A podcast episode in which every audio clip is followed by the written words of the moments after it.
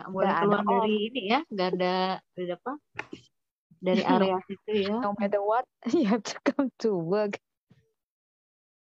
Eh ini udah langsung ke Facebook ya? Iya.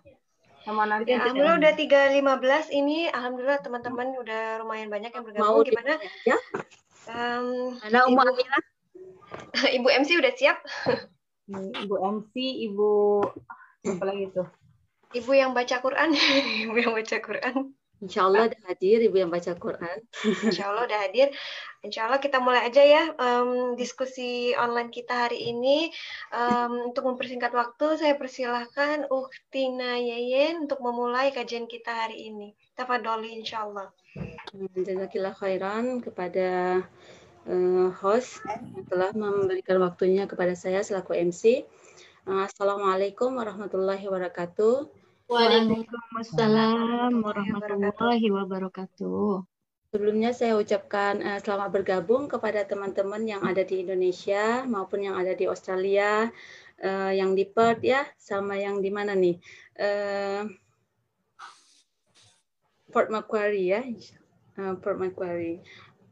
Ada nggak ya Kak Kiki ya? Bapak beda orang ini. Enggak ini Kiki Kikiku ini. Warahmatullahi wabarakatuh.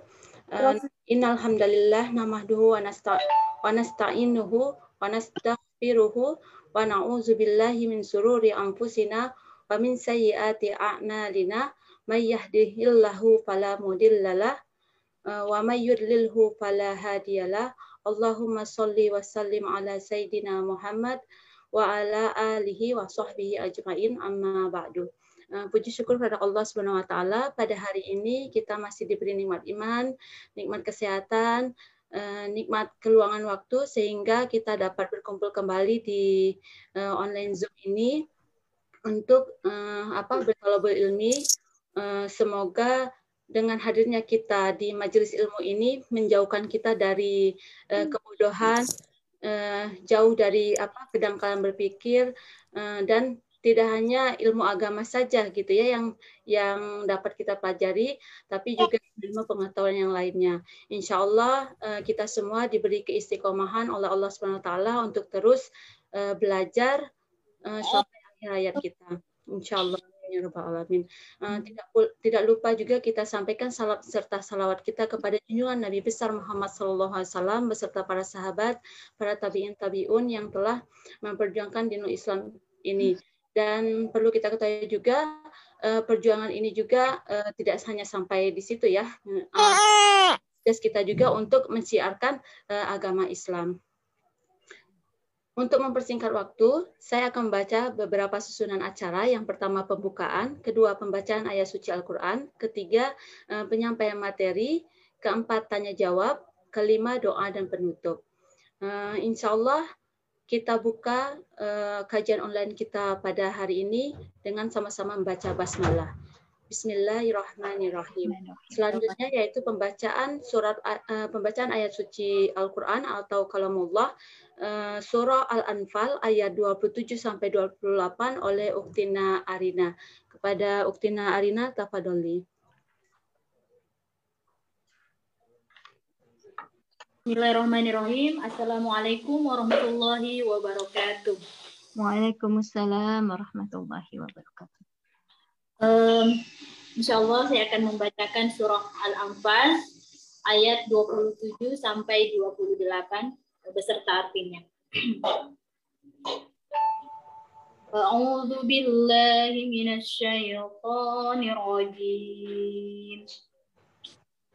بسم الله الرحمن الرحيم.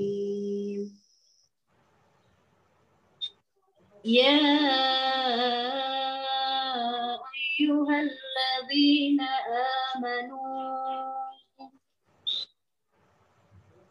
يا أيها الذين آمنوا لا تخونوا الله والرسول. لا تخونوا الله والرسول وتخونوا أماناتكم وأنتم تعلمون. واعلموا أنما أموالكم وأولادكم فتنة أنما أموالكم وأولادكم فتنة وأن الله عنده أجر عظيم Artinya, wahai orang-orang yang beriman, janganlah kamu mengkhianati Allah dan Rasul dan juga janganlah kamu mengkhianati amanat yang dipercayakan kepadamu sedang kamu mengetahui. Dan ketahuilah bahwa hartamu dan anak-anakmu itu hanyalah sebagai cobaan. Dan sesungguhnya di sisi Allah ada pahala yang besar. Sadaqallahul azim. Maha benar Allah dengan segala firman. Wassalamualaikum warahmatullahi wabarakatuh. Waalaikumsalam warahmatullahi wabarakatuh. Ya wabarakatuh. Alhamdulillah eh, pembacaan suci Al-Quran telah dibacakan dan kita yang mendengarkan. Uh, insya Allah uh, semoga apa yang kita dengarkan dan yang membaca mendapatkan ridho Allah Subhanahu wa taala dan mendapatkan pahala dari Allah Subhanahu wa taala. Amin. Insya Allah selanjutnya yaitu penyampaian materi yang akan disampaikan oleh Ummu Amira. Ya aku mama. Ya aku mama. Ya aku mama. Sorry ibu-ibu sebentar.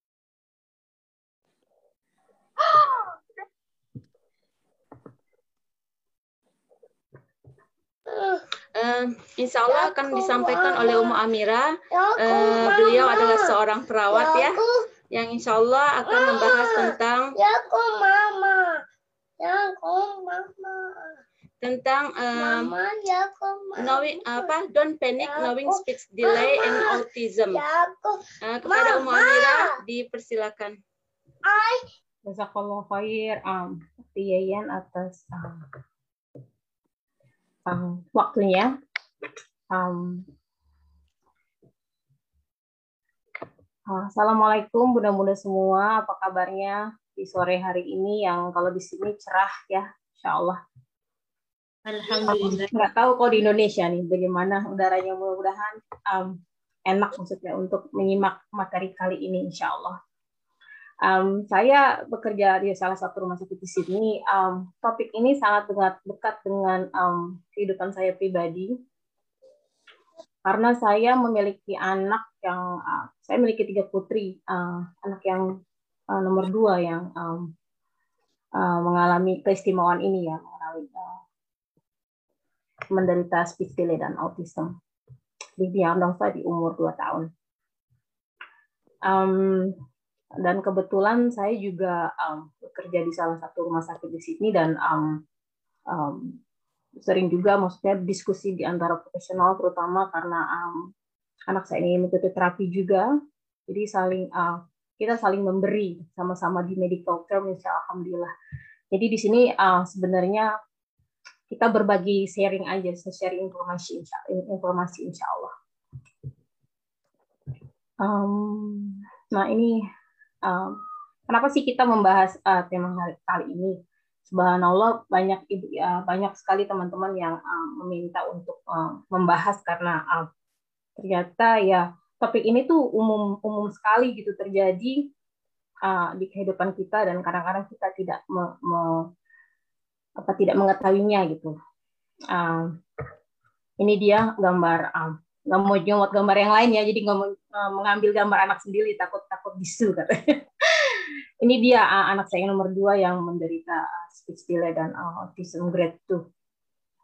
Jadi um, alasannya um, siapa sih siapa sih ketika hamil yang yang ingin pasti setiap ibu hamil inginlah anaknya pasti sehat gitu ya. Um, dari dari awal kehamilannya dipersiapkan, dari mencari jodoh, kemudian menikah, uh, uh, proses kehamilannya disiapkan dengan makan makanan sehat, um, pasti dan mengharapkan gitu selalu berdoa kepada Allah mengharapkan uh, memiliki anak yang lahir sehat dan normal. Tapi pada kenyataannya ada sebagian uh, bunda yang mengalami um, masalah seperti prematur atau lahir uh, kesulitan uh, proses kelahiran atau berat badan uh, bayinya di bawah normal atau mungkin anaknya memiliki kelainan atau penyakit yang lain saat uh, dia lahir yang uh, kemungkinan atau itu akan kita bahas di next next berikutnya ya yang kemungkinan gitu um, mem mempunyai faktor atau penyebab uh, memiliki gangguan speech delay atau autism walaupun tidak semuanya gitu.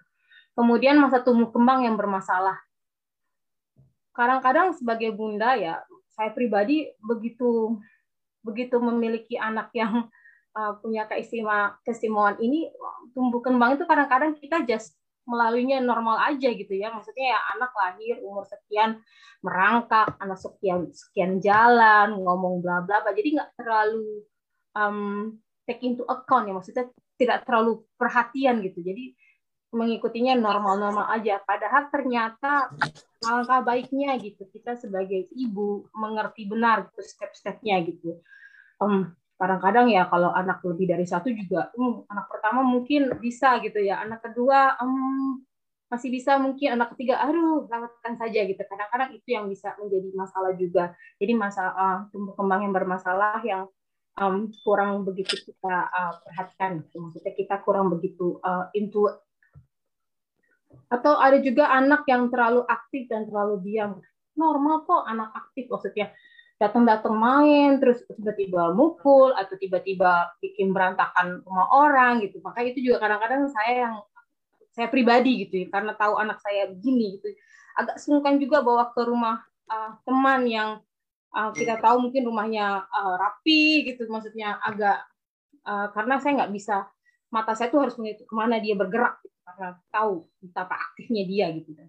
Atau ada juga anak yang terlalu diam begitu udah uh, ini terlalu di, di pojokan sendiri gitu ya nggak ngomong nggak bicara asik sendiri gitu kan.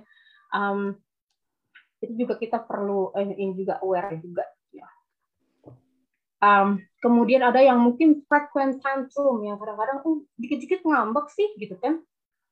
Um, dikit-dikit uh, nggak mau nggak dapat apa yang dia mau sampai ber bermenit-bermenit 30 menit satu jam gitu uh, uh, apa dia menunjukkan emosinya gitu untuk overwhelm karena terlalu banyak informasi di kepala dia nggak bisa ngomong nggak bisa menemukan kata yang uh, akan diucapkan jadi jadi jadinya ya nangis itu kan bahasa bahasa universal nangis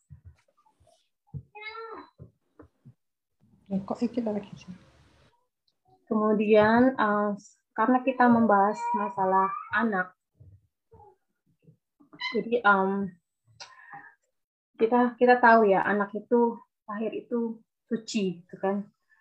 Anak um, dari hadis dari Abu Hurairah radhiyallahu anhu Rasulullah SAW bersabda, setiap anak itu dilahirkan dalam kondisi yang fitrah, kecuali orang tuanya yang menjadikannya Yahudi, Nasrani, dan Majusi. Jadi anak itu lahir nggak bisa milih juga gitu. Saya dilahirkan dengan kondisi yang seperti apa. Saya lahir ah, dengan bentuk yang seperti apa. Saya lahir dari orang tua yang seperti apa. Um, uh, kita harus kembali memikirkan karena sekarang yang kita uh, insya Allah semua benda paham itu anak itu adalah um, kodoknya mereka lahir sudah membawa uh, kodoknya masing-masing. Terus untuk apa sih kita punya anak gitu ya? Di surat Al Imran ayat 38 di, di Allah ya Allah menyebutkan ya Allah Tuhan kami anugerahkan kepada kami dari sisi Engkau zuriat yang baik sesungguhnya Engkau Maha pendengar doa. Um, itu anak uh, anak sebagai penerus keturunan. Kemudian anak yang um, anak sebagai status. Status maksudnya sesudah menikah apa dong? Ya, kita punya anak dong gitu kan. Um, kalau nggak punya anak nanti ditanyain kadang-kadang, "Oh, udah punya anak berapa?" gitu kan. uh, sedangkan di um, sedangkan Allah sendiri sudah um, menyebutkan di di Al-Kahfi ayat 46 bahwa harta dan anak adalah perhiasan kehidupan dunia. Tetapi amalan yang kekal lagi saleh adalah lebih baik di sisi Tuhan, di sisi Tuhanmu. Kemudian anak uh, sebagai amanah. Masya Allah ya, anak itu titipan Allah yang yang akan kita pertanggungjawabkan. Uh, kita apakan anak ini karena mereka lahir dari tadi fitrah itu ya.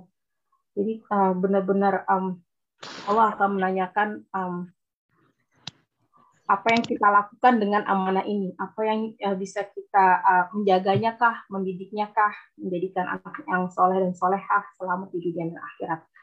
Uh, seperti di At-Tahrim ayat 6 yaitu hai orang-orang beriman jagalah dirimu dan keluargamu dari api neraka.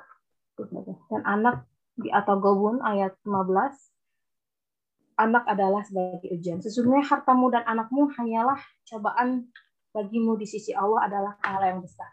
Jadi visi misi kita punya anak harus jelas di sini ya maksudnya hmm, insya Allah gitu setiap muslim memiliki, memiliki uh, untuk apa sih kita punya anak jadi di antara empat ini insya Allah uh, kita sudah paham. Kemudian tugas orang tua. Tugas tugas tugas orang tua orang tua itu terdiri dari ayah dan ibu. Tugas ayah itu sangat amat berat di pundak mereka itu yaitu dari surat Al-Farin juga kan ya ayuhan nas kun ampusikum nar. Wahai orang-orang beriman jagalah dan lindungilah dirimu dan keluargamu dari api neraka jadi seorang ayah akan ditanyakan pertanggungjawabannya atas apa yang dia lakukan terhadap keluarganya kemudian di bawah ayah itu ada ibu ayah juga akan mempertanggungjawabkan perbuatan apa yang dilakukan ibu di rumah tangganya. Sedangkan tugas ibu sendiri juga memiliki amanah yaitu sebagai umum warobatul barit pendidik generasi masa dan pengatur rumah tangga. Subhanallah ya Bunda ya, kita sebagai perempuan dianugerahkan begitu banyak kosakata yang harus kita keluarkan. Ternyata itu untuk mendidik anak-anak kita gitu, untuk mengajarkan mereka bicara, untuk mengajarkan mereka berkomunikasi, mengajarkan mereka ilmu. Um, Allah sudah mempersiapkan fungsi itu di, di dalam diri seorang ibu. Nah, begitu kita tahu tugas uh, tugas kita sebagai orang tua, visi misi kita memiliki anak, insya Allah anak dengan ke, keistimewaan ini yaitu anak yang mengalami um, speech delay dan autism um, itu adalah termasuk anak yang istimewa apa sih speech delay dan autism itu? Speech delay itu adalah uh, kondisi terlambat bicara. Biasanya bisa terjadi pada anak yang autistik atau tidak autistik. Um, penyebabnya salah satunya mungkin uh, di sini disebutkan uh, kehilangan fungsi pendengaran atau hearing loss. Jadi awal-awal diagnosa jika anak mengalami um, uh, sudah diakses itu sudah kelihatan tanda-tandanya yang awal-awal untuk untuk me, menghilang apa mengeksklud artinya apakah dia speech delay atau ada gangguan yang lain adalah di hearing test. Kalau di Australia begitu baby lahir uh, mereka akan di uh, tes, tetapi kalau ada juga simptom yang seperti keterlambat bicara ini juga mereka akan dites lagi. Seperti itu saya dia dia dites dua kali. Kemudian, kemudian deprivation. Apa sih deprivation itu? Deprivation itu adalah um, suatu kondisi di mana saat anak lahir sampai usia tertentu uh, mengalami perubahan lingkungan yang signifikan gitu. Um, entah orang tuanya bermasalah di rumah tangganya, mungkin ada physical emotional abuse gitu, atau ada kondisi lain yang me me menyebabkan um, anak itu tidak menerima uh, kasih sayang atau mengalami um, neglected ya kalau kita kita bilang. Kemungkinan itu bisa menyebabkan anak terlambat bicara. Karena tekanan-tekanan mental uh, mental uh, psychological atau choice anak-anak yang choice ini mungkin mereka memang tidak tidak mau bicara gitu karena bukan karena mereka kehilangan fungsi pendengaran atau bukan karena yang lain karena memang dia tidak mau bicara. Jadi untuk menghilangkan itu juga harus dites juga uh, fungsi pendengarannya. Disease uh, penyakit uh, penyakit itu uh, ini penyakit yang berhubungan dengan fungsi bicara antara penyakit uh, dari kita suarakah atau penyakit di telinga kah yang uh, menyebabkan um, bisa menyebabkan uh, anak terlambat bicara. Kemudian ya, bilingual home. Ya, kalau di sini mungkin di Indonesia juga banyak ya pernikahan multicultural yang di mana bahasa di rumah itu mereka um, dengan dua bahasa. Ada anak yang bisa cope, maksudnya bisa uh, bisa coping dengan dua bahasa atau tiga saat di rumah bahasa orang tua dan ayah dan ibu beda begitu di luar juga bahasa bahasa internasional di, di, dipakai di sekolah juga berbeda.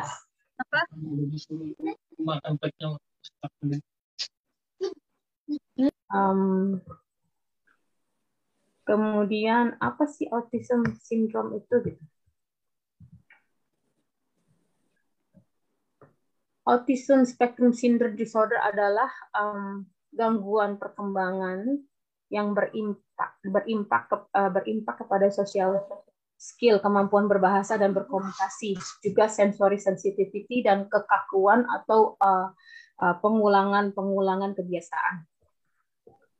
Um, autism itu disebut sebagai spektrum karena memang um, setiap person, setiap individu yang uh, memiliki kondisi ini mengalami uh, mempunyai perbedaan.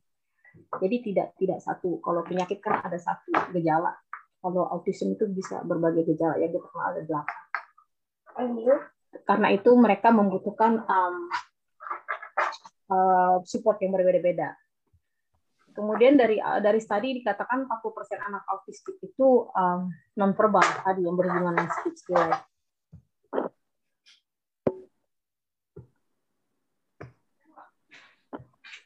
Um, autism spectrum disorder (ASD) apa sih penyebabnya? Dari studi sebenarnya mereka belum bisa izak penyebabnya uh, terjadi gangguan autism itu sendiri um, mereka menyebutkan ada faktor genetik juga. Jadi dari orang tua yang um, autistik, kemungkinan anak lahir yang memiliki autistik juga lebih besar gitu dibandingkan um, dari uh, pasangan yang normal. Kemud kemudian uh, ada dari dari laboratorium ada abnormal level chemical di otak, gangguan fungsi brain. Um, atau juga ada penyebabnya adalah infeksi lingkungan yang toksin. Jadi dari ibu yang pengguna obat-obatan, ibu yang um, dan ibu yang mabuk, gitu kan. Jadi saat bisa menyebabkan anaknya lahir dengan kondisi tidak normal karena lingkungan saat dia di dalam rahim itu sudah toksin buat si bayi ya atau juga ada obat-obat tertentu yang bisa menyebabkan memang kecacatan seperti talopamid salah satu obat kanker. Um, Profesor Tony Atwood beliau punya channel YouTube-nya. Subhanallah bagus banget ini ya pembahasannya. Jadi uh, kapan sih autism itu bisa terdeteksi kalau uh, dari pembahasannya dia ya? Dia membagi ada tiga perkembangan. Um, jadi beliau sudah berkecimpung di dunia autism Asperger ADHD itu sudah 40 tahun, jadi banyak sekali clinical case. Ya, jadi akurat insya Allah. Jadi menurut beliau itu autism itu bisa how dari memang awal dari proses kelahirannya itu sudah berbeda anak itu. Gitu. Hmm. Jadi berapa se, seberapa early sih bisa dideteksi uh, itu autism itu kalau menurut dia? Um, dari kelahiran yang dari awal proses kehamilan dan kelahirannya mungkin dari tadi tadi yang saya bahas sebelumnya itu mungkin ibu uh, mungkin baby lahir dalam kondisi memang prematur memang bukan belum seharusnya dia tapi dilahirkan bisa karena emergency atau kondisi yang lain atau um, kesulitan saat proses melahirkan atau berat badan bayi yang di bawah normal atau baby mengalami reflux saat dia lahir ada cairan yang masuk ke paru-parunya kemungkinan uh, atau juga epilepsi atau bayi, mengalami uh, sleep problem. Jadi memang awalnya mereka sudah, uh, maksudnya bayi-bayi uh, anak-anak ini memang sudah uh, memiliki kondisi uh, yang mendapatkan medical concern. Jadi memang sudah ada kondisi yang underlying nggak gitu kan. Jadi uh, untuk anak-anak seperti ini um, kemungkinan umur 18 8 bulan ke atas itu uh, diagnosis autism itu bisa confirm. Kalau menurut dokter uh, uh, Profesor Tony ini. Kemudian uh, yang kedua adalah perkembangan development plateau, di mana anak itu berkembang sesuai dengan uh, peta perkembangannya sesuai normal dari lahir sampai usia titik tertentu. Biasanya umumnya uh, antara 14 dan 18 bulan. Terus mengalami decline. Penyebabnya masih mereka belum bisa mengetahui penyebabnya.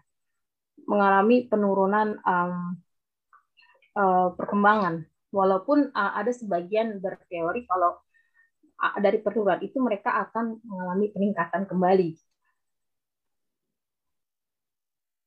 Hmm. Tetapi kondisi yang seperti itu, uh, menurut uh, Profesor Tony ini, um, ternyata kontinuitas platunya itu maksudnya penurunan kurva itu akan berlanjut sampai di dua tahun dan kemungkinannya bisa confirm uh, autism. Ataupun yang, yang uh, perkembangan yang ketiga adalah kehilangan skill atau regresi. Jadi anak ini benar-benar tadinya normal, um, happy child, misalkan bicara udah bisa ada beberapa kosakata, udah kemampuannya sesuai dengan um, perkembangannya yang seharusnya gitu. Tetapi um, uh, ada uh, pada usia antara 14 dan 18 18 bulan itu mereka kehilangan interest masih nggak masih belum diketahui juga penyebabnya apa gitu.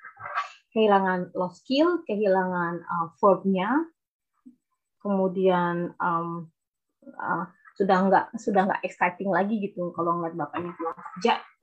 Terus diem terus lama-lama dia draw ke, ke dunianya sendiri. Itu itu kelihatan jelas itu antara umur 14 dan 18 bulan. Jadi um, uh, drawing into self uh, solitude kalau dibilang draw her to the or her his or her own world gitu, tanpa mengundang yang lain gitu ibu ibunya atau ayahnya tidak diundang nah itu tadi um, uh, dari tiga fase perkembangan itu autism yang terjadi. Jadi sekarang kita bahas sebenarnya ini cuma uh, overview aja ya. Um, untuk mengetahui itu sebenarnya kita harus tahu tadi yang uh, di awal saya katakan harus tahu growing up-nya seperti apa gitu. Apa sih yang bisa harus dilakukan anak saya umur sekian sekian, umur sekian sekian, apa sih capable yang mereka ability yang harusnya mereka uh, punya gitu. Seperti kita tahu di awal di awal kehidupan seorang anak kemampuan anak bicara itu atau mengeluarkan kata-kata itu ditentukan dengan interaksinya dengan orang dewasa. Jadi subhanallah makanya tadi saya bilang Allah menciptakan ibu itu dengan banyak kata, banyak bicara gitu. Banyak senyum, banyak ketawa gitu. Karena dengan interaksi itulah semakin sering orang tua mengajak anak bicara, memberikan respon, seperti tersenyum, tertawa, menyapa, menurut anak lebih sering mengucapkan suara hingga mampu mengucapkan kata karena mereka akan mimik mengcopy melihat melihat uh, uh, ekspresi ibunya sedih marah happy gitu terus pergerakan mulutnya. Um, tahapan anak bicara. Anak umur dua bulan sampai empat bulan. Biasanya ya nangis sama mengeluarkan suara. Responnya ya nangis. Mau makan nangis mau minum nangis kan lapar nangis kotor nangis gitu kan. Um, menangis itu good sign sebenarnya. Maksudnya dia mengeluarkan memproduksi suara ya. Umur 4 sampai 9 bulan dada-dada mulai bubbling. 9 sampai 10 bulan mengeluarkan suara dengan bunyi vokal tapi sudah punya arti. Ah, makanya ada buku-buku yang um, kita tahu kan banyak mungkin kalau di Gramedia atau ya buku gambar binatang atau gimana suara sapi mumu, gimana suara uh, kucing miau miau, gimana suara bebek gitu kan kwek-kwek gitu kan itu bagaimana mereka mengcopy uh, macam-macam suara kemudian umur 10 sama 15 bulan satu tahun uh, biar kalau kita biar ingat sih sebenarnya kalau satu tahun satu kata gitu paling enggak mereka bisa ngomong satu kata gitu. kata pertama papa mama gitu kan terus uh, umur 15 30 bulan itu sudah bisa bicara dua. Jadi umur dua tahun itu bisa combine dua kata. Mau minum, mau makan, mau main, mau bobo, mau tidur gitu kan. Mau mama atau mau papa gitu. Jadi bisa meng- meng- mengkombinasikan dua kata. 30 sampai 4 tahun berbicara dengan kalimat sederhana. Misalnya ya kalau playing sama um, mainan itu bisa ngomong sendiri, maksudnya bisa contoh di sini kucing nakal atau uh, kakak nakal gitu. Uh, di atas empat tahun sudah bisa bicara seperti orang dewasa ya. Ini ini gambaran. Jadi ini um, udah, udah kejar sampai depan nenek loh. Aku nggak tahu nanti sampai sini apa enggak. Kan datangnya tadi. Jadi ini um, apa sih yang bisa uh, anak saya lakukan umur 18 tahun? Jadi pengertiannya, understanding. Mengerti 10 kata, membuat 10 kata itu sebenarnya kalau kita normal-normal kata yang ada di rumah aja masuk dari masuk begitu kita masuk pintu itu ada pintu ada pagar gitu kan kata-kata yang familiar di sekitar kita aja diperkenalkan kepada mereka. Jadi kalau mereka mengerti itu normal ya 10 paling enggak 10 kata untuk satu tahun. Terus kayak kontak apa respon saat namanya dipanggil? Mia atau Ade gitu. Mengerti halo apa kabar? Hai bye terus uh, recognize famili- apa mengenali wajah uh, yang familiar buat dia. Mama mamanya kah? Neneknya abangnya kakaknya gitu. terus uh, bicaranya itu dia continue to babble use gesture kayak misalnya mau bawa menarik menunjuk atau mau mengucapkan beberapa kata. Terus mengcopy different sound itu kan ada lagu ya banyak di YouTube ya lagu-lagu yang um, itu. Kopi-kopi suara binatang, kopi suara uh, mobil, truk atau motor gitu. Kan. Oh motor sih, sounding ya. Itu suara binatang kayak wek wek, ah, woof woof untuk um, anjing atau kucing, meow meow. Nah untuk dua tahun tadi um, izinnya lebih gampangnya sih dua tahun dua kata. Terus mau apa? What what is this? Apa ini? Apa itu? Mau ke mana gitu kan? Terus menunjukkan body part kan. Kan ada lagu yang head, shoulder, knees, and toe gitu kan, atau daddy finger gitu kan. Um, sudah mulai mengerti. Um, terus uh, mengerti in and on objek yang di dalam atau di luar, di samping, di atas. Bahasanya bisa 10 kata, oh, pasti banyak lah kita kenalkan apa-apa yang ada di rumah, apa-apa yang uh, anak biasa pakai. Um, kemudian uh, menyambungkan kata ber, no baby, no bye teddy, eat baby gitu. Terus bisa menggunakan tone untuk voice. Jadi dia or um, dihapus makanya kan soal sistem yang enggak. Sabar, Mas. Karena kayak diproses. Oh, kenapa? Ya, Mbak, izinnya. Dijalani. Eh, um, kemudian um,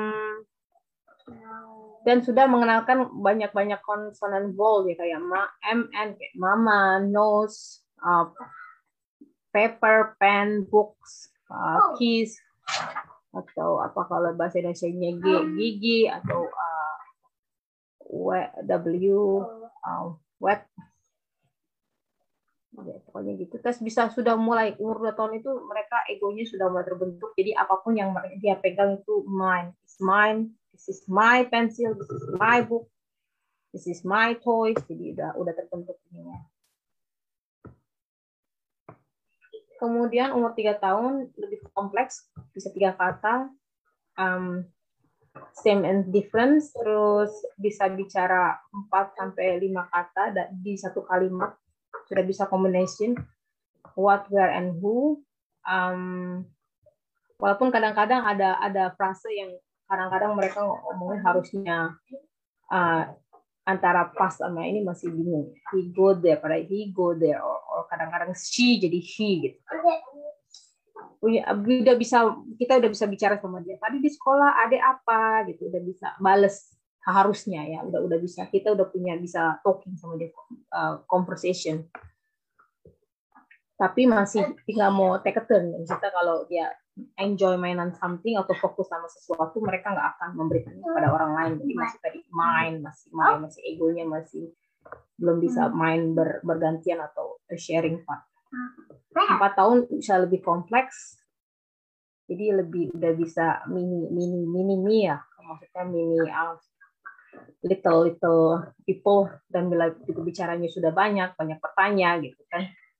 Um, sudah mengerti kata huruf tuh. lima tahun lebih ini lagi uh, kemampuannya um, lebih advance jadi saat umur sekolah ya sudah bisa mengerti 100% uh, understand come to have be understood close to 100% of time. Jadi udah sudah seperti mengerti seperti uh, mini uh, mini adult ya. Bisa mengikuti tiga part instruction. Misalnya ambil kertas, taruh di meja atau uh, uh, taruh di meja terus mejanya didorong misalnya. Ada tiga tiga perintah dia udah bisa lakukan. Um, udah bisa mengkompleks kalimat dengan uh, tambahan n saya mau sekolah tapi saya mau ini. Jadi udah bisa combination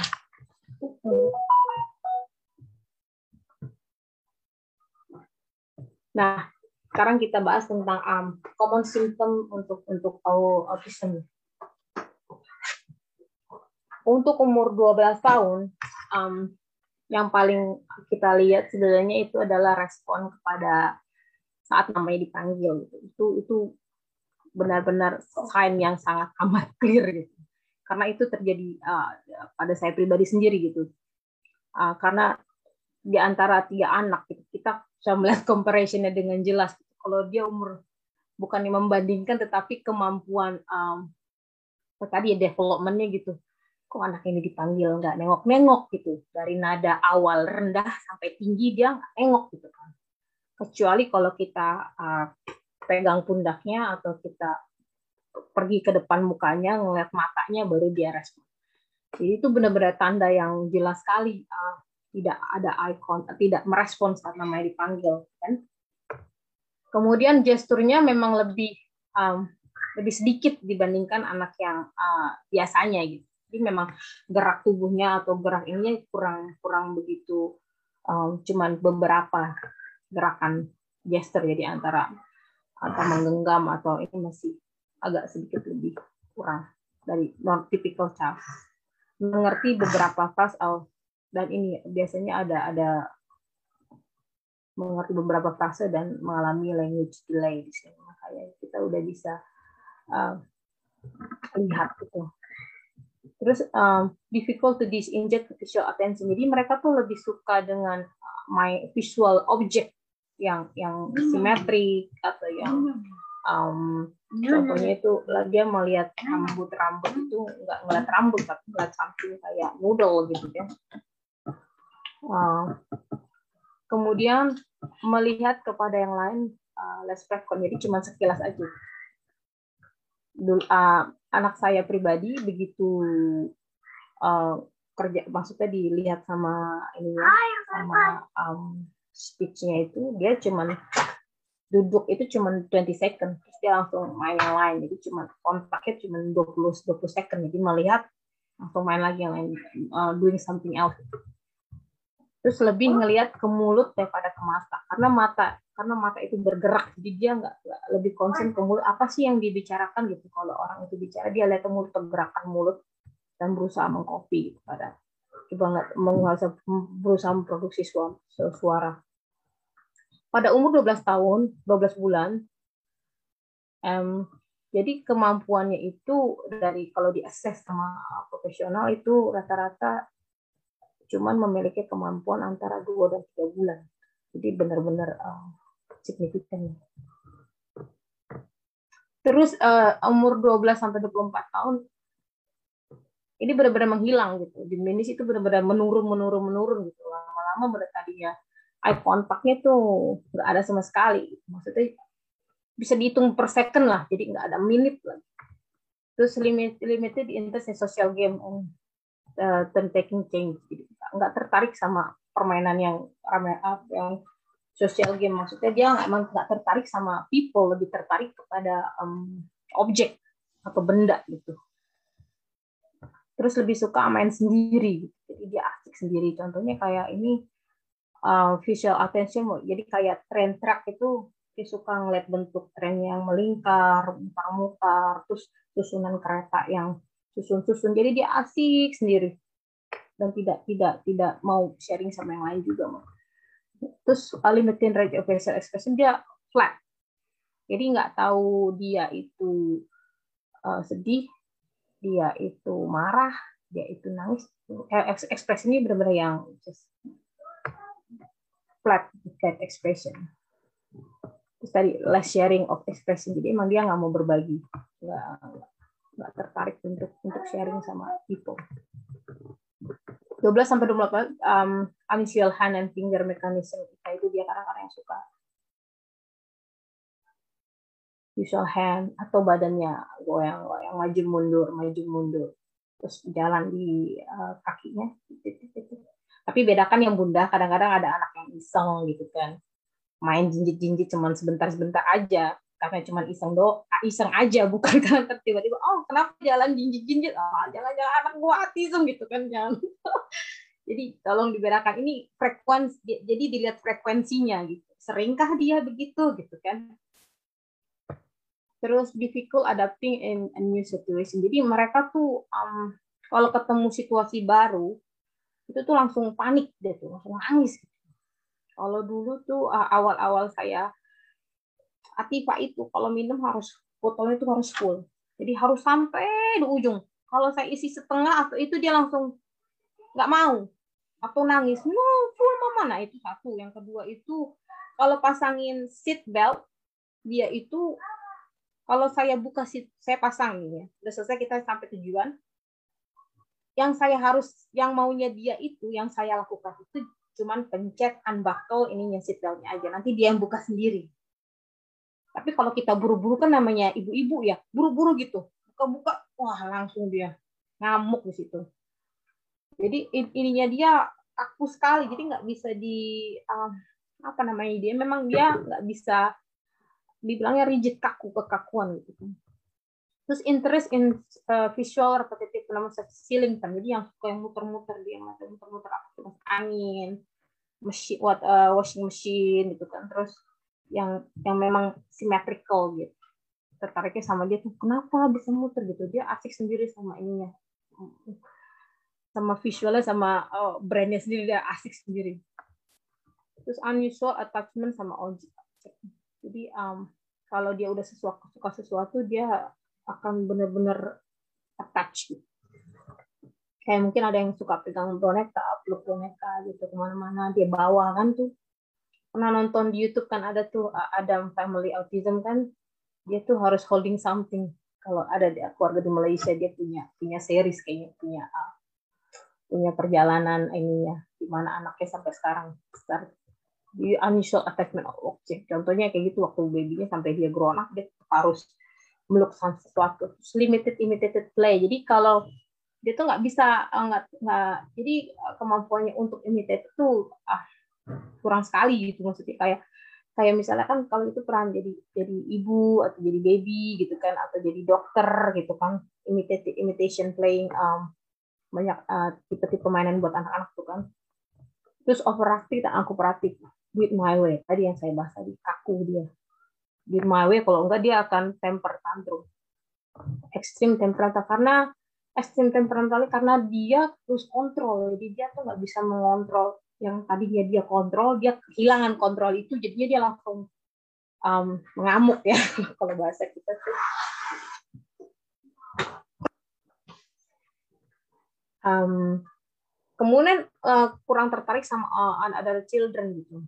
Nggak nggak nggak nggak suka main sama anak yang lain karena mungkin mereka terlalu noise gitu kan atau terlalu atau kadang-kadang kalau karena mereka ada sebagian gejalanya itu dia sama stimuli-stimuli yang kayak shouting gitu rame gitu. Mereka nggak suka.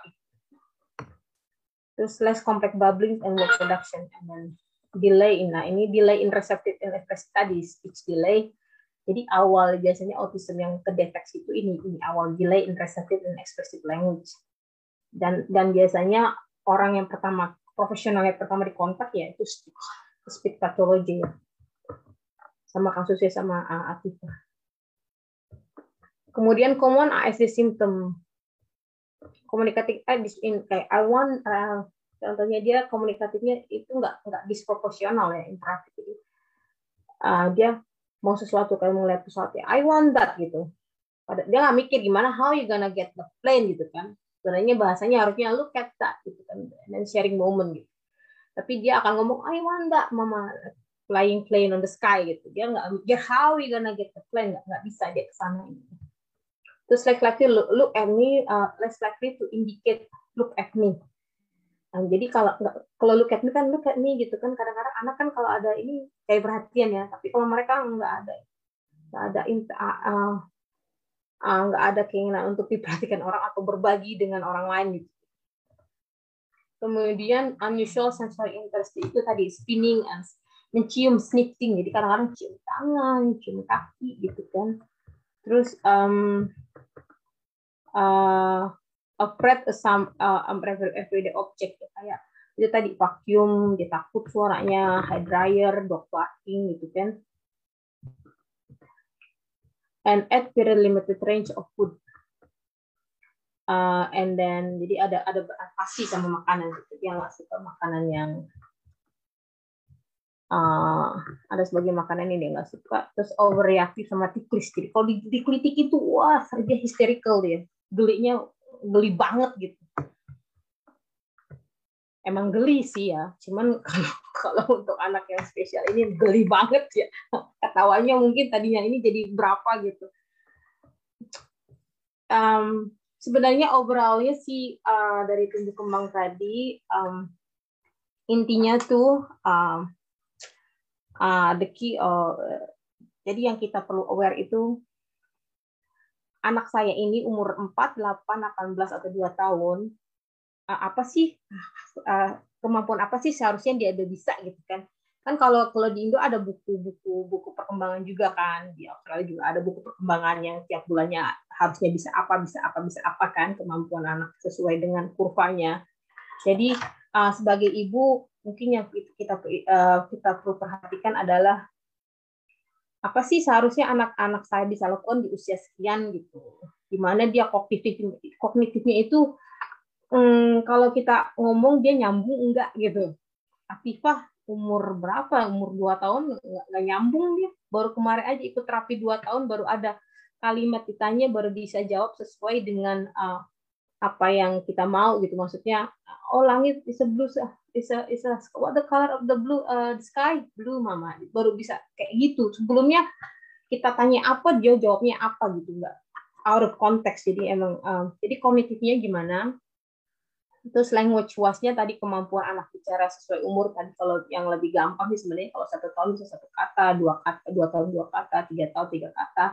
Um, kemampuannya sekitar itu gimana mengkombinasikan kata-kata kemampuan dia menyambungkan kata-kata, kemudian kapan mereka bisa pointing Uh, I want that mama tunjuk mau itu, mau ini gitu, pointing uh, apa yang mereka mau atau dia mengerti apa kita apa yang kita pointing ke, ke dia instruksi apa misalnya ambil gelas itu dia ngerti enggak gitu kan taruh sepatu di raknya gitu misalnya simple simple atau minum minum uh, minum susu di cup gitu masa tunjukkan cupnya gitu dia ngerti apa enggak gitu kan.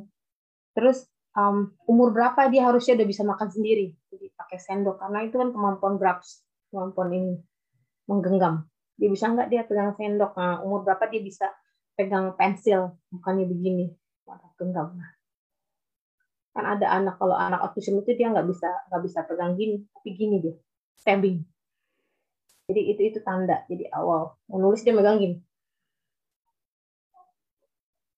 Terus bisa nggak dia drinking dari cup tadi normal cup ya.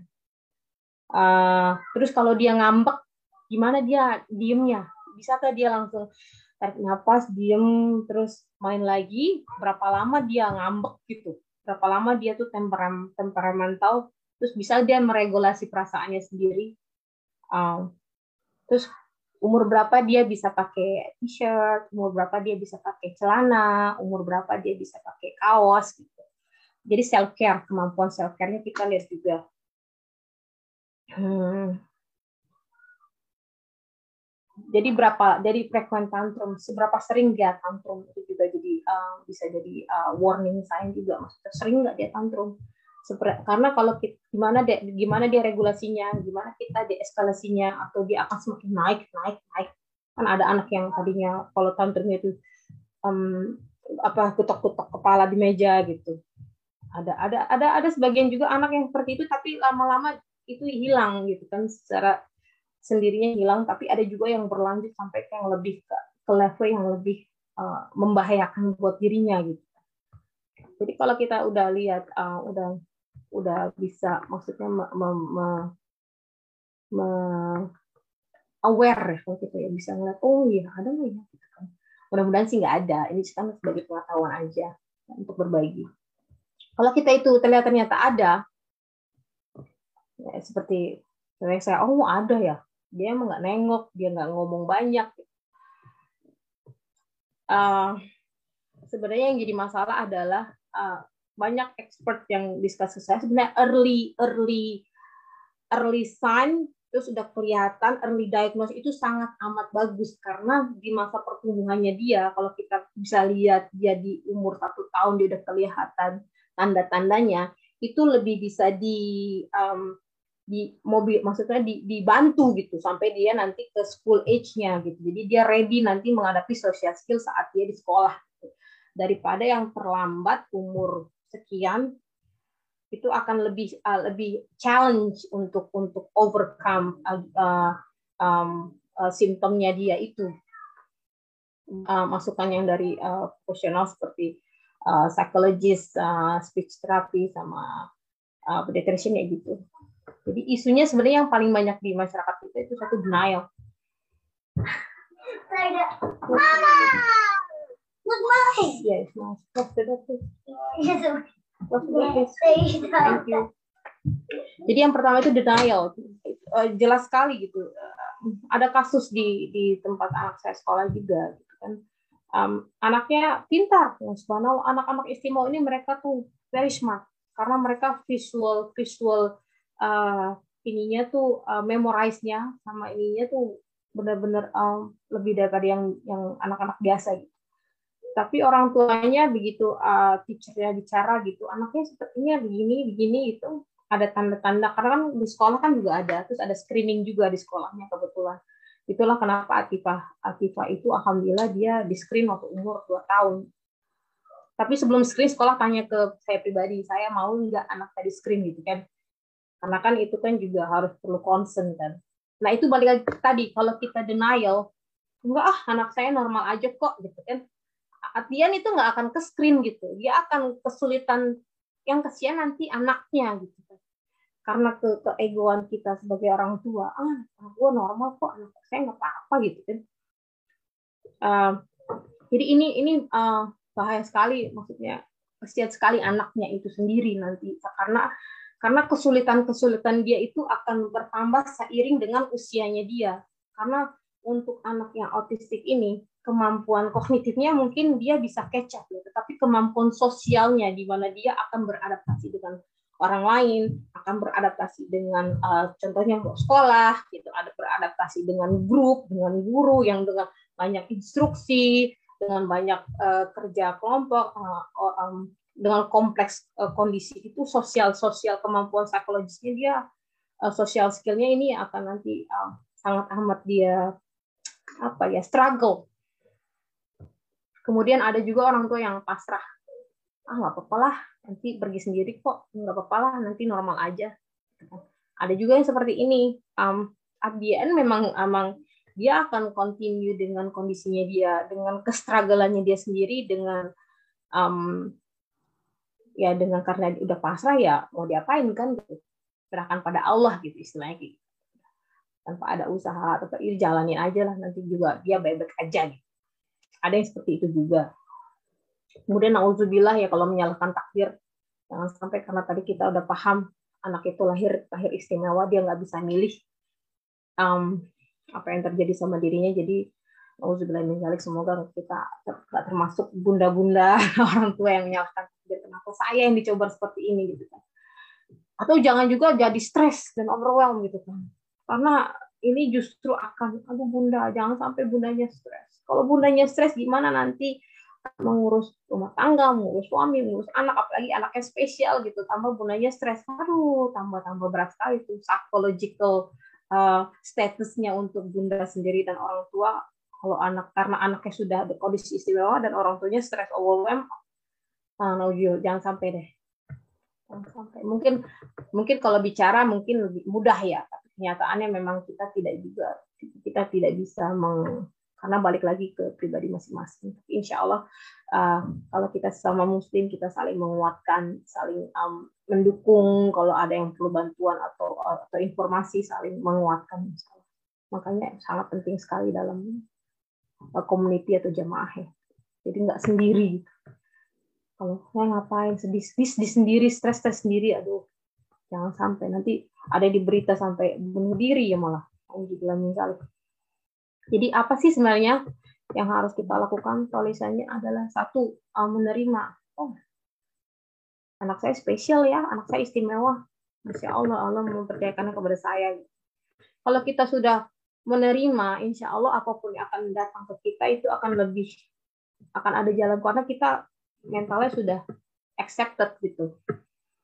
Uh, yang kedua ini penting, penting banget sebenarnya. Cuman kadang-kadang um, bekerja sama dengan suami. Cuman pada kenyataannya kadang-kadang tidak seperti itu. Sangat amat sulit dan yaitu balik lagi gimana uh, usaha kita ya bunda ya sebagai istri banyak-banyak doanya kenceng-kenceng doanya namanya paksu ini aduh mudah-mudahan dibukakanlah hatinya gitu karena karena kalau kita sendirian itu bunda di samping kita um, kalau kita nggak didukung visi misi kita untuk misalnya gini bunda mengajarkan strategi seperti ini tapi faksualnya nggak nggak nggak jalan. Jadi nggak sejalan. Jadi uh, tujuan yang kita mau ke situ misalnya kita mau mau mau program maksudnya kita mau start untuk anak kita misalnya latihan kata-kata misalnya. Tapi uh, pokoknya apa yang kita planning nggak nggak sesuai karena mungkin kita corner atau karena nggak ada kerjasama. Jadi kerjasama itu sangat penting. Walaupun itu ada challenge sendiri insya Allah kemudian berusaha maksimal sabar ikhtiar dan tawakal. Aduh ikhtiar ini. Bahasanya tidak ada werang insya Allah lah. Tahu kan maksudnya ya? Jadi sabar ikhtiar. Jadi tiga tiga du tiga tiga tips yang selalu amat berkaitan ya. Sabar. Walaupun kenyataannya wah sulitnya bukan main gitu. Sabar gitu. lagi capek lagi ini. Oh ya ya insya Allah lah balik lagi ke Allah insya Allah. Kita lakukan untuk Allah menikmati dan menikmati prosesnya. Karena akan ada saatnya nanti begitu uh, akan ada ada hasilnya sedikit sedikit alhamdulillah putri saya. Sekarang udah bisa diajak ngomong gitu kan. Kalau dipanggil sudah nyaut kalau di um, ditanya mau apa sudah tahu gitu. Jadi insya Allah uh, get to that point terus um,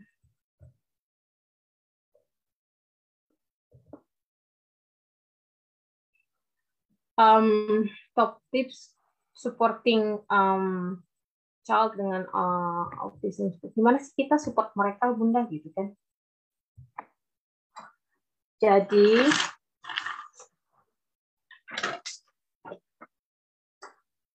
breakdown task into easy step. Jadi gini, kalau kita mau um, kalau kita mau ajak mereka bicara, jadi kita nggak bisa langsung terlalu banyak informasi. Jadi dia dia bingung apa sih yang mama mau misalnya gitu kan. Um, Jadi harus um, be plan and organized. Jadi break the step down, ask the child to step back, dan give access to uh, maksudnya uh, ini break the step down. Misalnya kita membicara, kita mau kamarnya dia rapih misalnya. daripada kita ngomong rapin kamar dong berantakan amat sih gitu habis main berantakan harusnya rapihin gitu kan nah aku bingung apalagi anak dengan autism ya yang mereka dengar cuma bundanya ngomel-ngomel gitu nggak tahu message-nya apa gitu kan jadi ya kita break the step down gitu put the toys away. Or pick up the toys put in the box gitu kan. Terus clean up the room kan. Or put the books in their place misalnya kayak gitu. Jadi di di di di breakdown. Jadi mereka tahu apa sih yang kita mau dari mereka gitu kan bahasanya. Um, kemudian give access to low sensory area. Karena untuk mereka itu terlalu lampu yang terlalu terang itu membuat mereka itu agak-agak overwhelmed. Terus constant noise crowd kayak di mall ya udah. Untuk untuk anak autism itu mall itu benar-benar bombarder bombarder stimulation ya. Udah berisik terang gitu rame gitu crowd. Jadi itu kalau kata bilang jangan bawa anak autism ke mall ah, kalau akan kan di disaster karena memang stimulasinya itu memang bombarder stimulasi tahu sendiri mulai lampunya terang berisik. And washing machine noise ada juga yang agak suka berisik ada mungkin kalau ya tinggal di pinggir jalan gitu kan sering dengar mobil-mobil bergerak gitu. Jadi kalau anak autism itu mereka sukanya ada tempat yang di pojokan gitu kok Atifa dia kalau udah nonton TV dia kakak sama adiknya masih nonton dia ke atas kadang-kadang ke kamar ke playroom dia sendirian ngegambar sendiri atau main-main boneka sendiri. Jadi memang dia punya punya quiet time sendiri gitu. Um, jadi bisa di, distrategikan seperti itu. Terus uh, tadi ya tell expectation and have clear boundary tadi berhubungan tadi being messy daripada kita gerak-gerak bikin berantakan gitu. Jadi message-nya taruh the rubbish. Kalau berantakannya sampah, bekas-bekas makanan ya, snack gitu ya. Don't throw rubbish. We don't throw rubbish. Put in the bin. Terus help identify the emotion and behavior. Uh, ada beberapa anak yang memang learning secara natural, ada ada yang butuh yang butuh support. Kalau jadi dikenalkan dengan emosinya dia. Kalau di uh, kalau Atifa dulu pertama dikenalkan zone dia zone. Karena blue itu sedih, yellow itu frustrated, kalau green itu happy gitu kayak. Tapi sekarang udah bisa ngomong kalau misalnya are you sad? Kenapa sad? Are you crying? Are you angry? Your hands um, ngepol gitu kan. Terus you you breathing like Are you sad? Are you cry? Jadi kita bantu mengenalkan um, emosi itu ke memberikan bahasa kepada dia. Maksudnya melabeli apa yang dia rasakan dengan label yang dia apa happy apa excited apa sedih. Terus uh, first step tuh help manage to recognize. Jadi dikasih tahu gitu maksudnya apa sih yang kamu rasakan? Itu nih namanya ini gitu kalau sedih tuh begini kalau sedih itu ya kalau mukanya merah uh, menangis gitu. Terus kayak bentar gitu terus um ketika kamu you you said what you want you wanna have mama or you wanna play bubble you wanna play toys jadi dia pilih yang mana?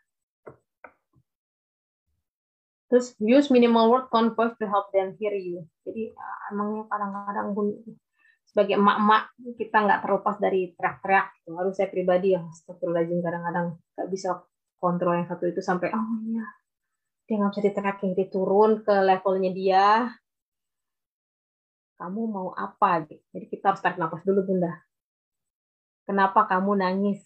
Kamu mau apa? Gitu. Jadi harus turun level kita, badan kita ke levelnya dia, mata sama mata, terus tone-nya itu um, tone voice. Jadi kamu mau apa? Jadi kenapa kamu nangis? Jadi, nah, subhanallah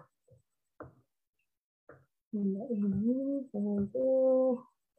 terus use visual jadi mereka tuh lebih lebih gampang um, lebih gampang menerima dengan gambar contohnya kalau bunda mau ajarin mereka sikat gigi um, foto mereka lagi saat sikat gigi kasih kasih toothpaste kasih odol foto ah, maksudnya kasih ajak dia ke kamar mandi terus dia sikat gigi foto terus tempel fotonya di kamar mandi. Jadi waktunya sikat gigi jam berapa misalnya bangun tidur?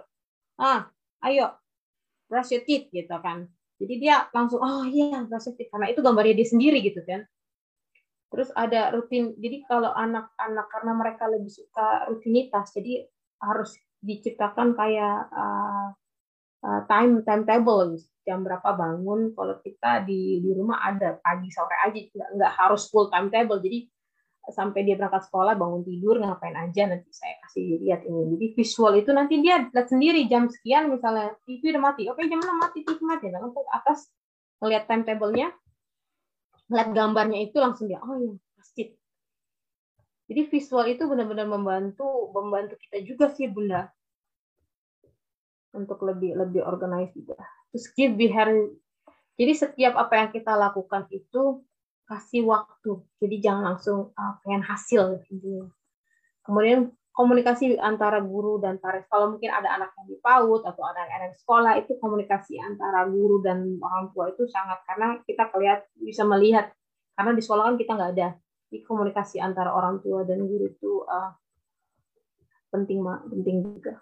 Terus maintain child dignity karena apalagi saat tantrum dan meltdown ya. Kalau meltdown itu dia kehilangan kontrol terhadap behaviornya dan tantrum itu karena dia nggak nggak nggak dapet apa yang dia mau kan? Terus uh, learn and develop attachment through play. Jadi main itu memang dari main itu kita bisa mengajarkan kata-kata bisa mengajarkan uh, sensori motorik sensori uh, kasar motorik halus motorik kasar memang dari permainan. Terus dari um,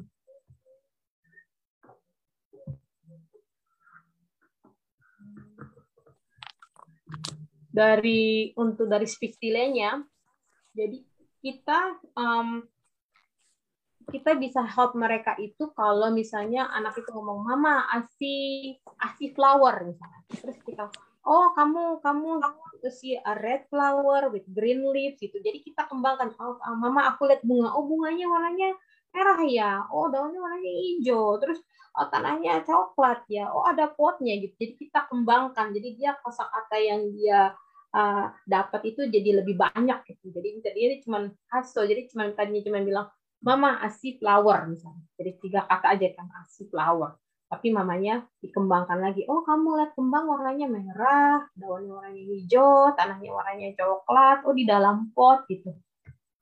Kemudian support sabotage situasi by creating problem. Jadi gini, kalau misalnya uh, anak lagi main um, jadi pura-pura pura-pura tumpah gitu maksudnya kalau kalau dressing a car jadi ah, bener nggak sih kalau mainan mobilan itu dikasih baju baju boneka gitu. Lihat responnya dia. Is it correct? Uh, the the dress put in the car. Nanti lihat responnya dia bagaimana. No, mama is for, is for dolls misalnya gitu. Tapi udah ada bagus tuh responnya. Atau pura-pura makan sup sama pisau gitu kan. Lihat gimana. Jadi sabo sabotage itu kayak bikin apa pura-pura masalah pura-pura gitu. Biar bisa melihat gimana mereka berkomunikasi ngeliat masalah itu gimana dia mengkomunikasikan mengkomunikasikannya kepada kita gitu.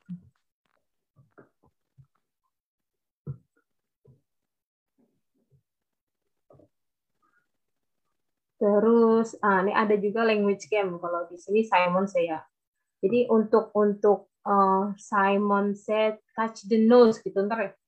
Terus uh, misalnya Amanda say touch the head. Mana yang mereka listen? Kan mereka harus listen Simon say kan? Gitu contoh-contoh. Jadi antara antara pendengaran dengan dengan pengertian dia nggak sama instruksi yang diberikan dari permainan itu dia uh, bisa pick up nggak gitu kan? Terus guess the secret the secret object misalnya ada square box terus dijelaskan ini warnanya apa bisa nebak nggak mereka gitu. Iya. Terus uh, describes using vocabulary symbol. Jadi ada ada kata-kata yang bisa mendeskripsi suatu objek, mereka bisa nangkap gak kalau misalnya oh there's a bee uh, there's a, animal the color misalnya yellow and black terus punya punya apa namanya punya antena gitu terus um, making honey coba apa binatang apa gitu uh, round robin building game that can be played with the whole family. Jadi ada permainan-permainan yang memang disetting untuk untuk uh, bareng-bareng. Jadi lihat gimana gimana uh, anaknya ber, berinteraksi uh, taking turn gitu. Ada ada permainan-permainan. Um, jadi aktivitas yang dilakukan di rumah adalah contohnya menata anggota tubuh, gitu, kayak head, shoulder, knees, and toe. Kalau di Indonesia apa ya? Hidung, mata, hidung, kaki gitu. Terus menyanyi lagu-lagu sederhana, mengenalkan bentuk-bentuk benda, menyusun balok, membaca buku bergambar bersama, menendang dan melempar, menggambar dan mewarnai. Jadi dari menggambar mewarnai itu tuh kelihatan gimana mereka pegang pensilnya, gimana mereka perpaduan warnanya, gitu kan. Ini aktivitas yang dilakukan bersama Bunda ya. Terus menendang dan melempar itu bagaimana dia ranging uh, motoriknya. Ini contoh nih contoh uh, dia uh, anak saya lagi terapi ternyata terapinya cuma ini bubble. Tapi itu dilihat gimana koordinasi gerakan matanya fokusnya tangannya. Jadi banyak yang dilihat dari dari movement. Dan, dan di sini bisa dilihat berapa lama dia tertarik dengan permainan itu dan dia udah nggak tertarik lagi dari dari situ setelah berapa second gitu kalau nggak salah dia berapa 30 second dia udah nggak nggak interest lagi main bubble.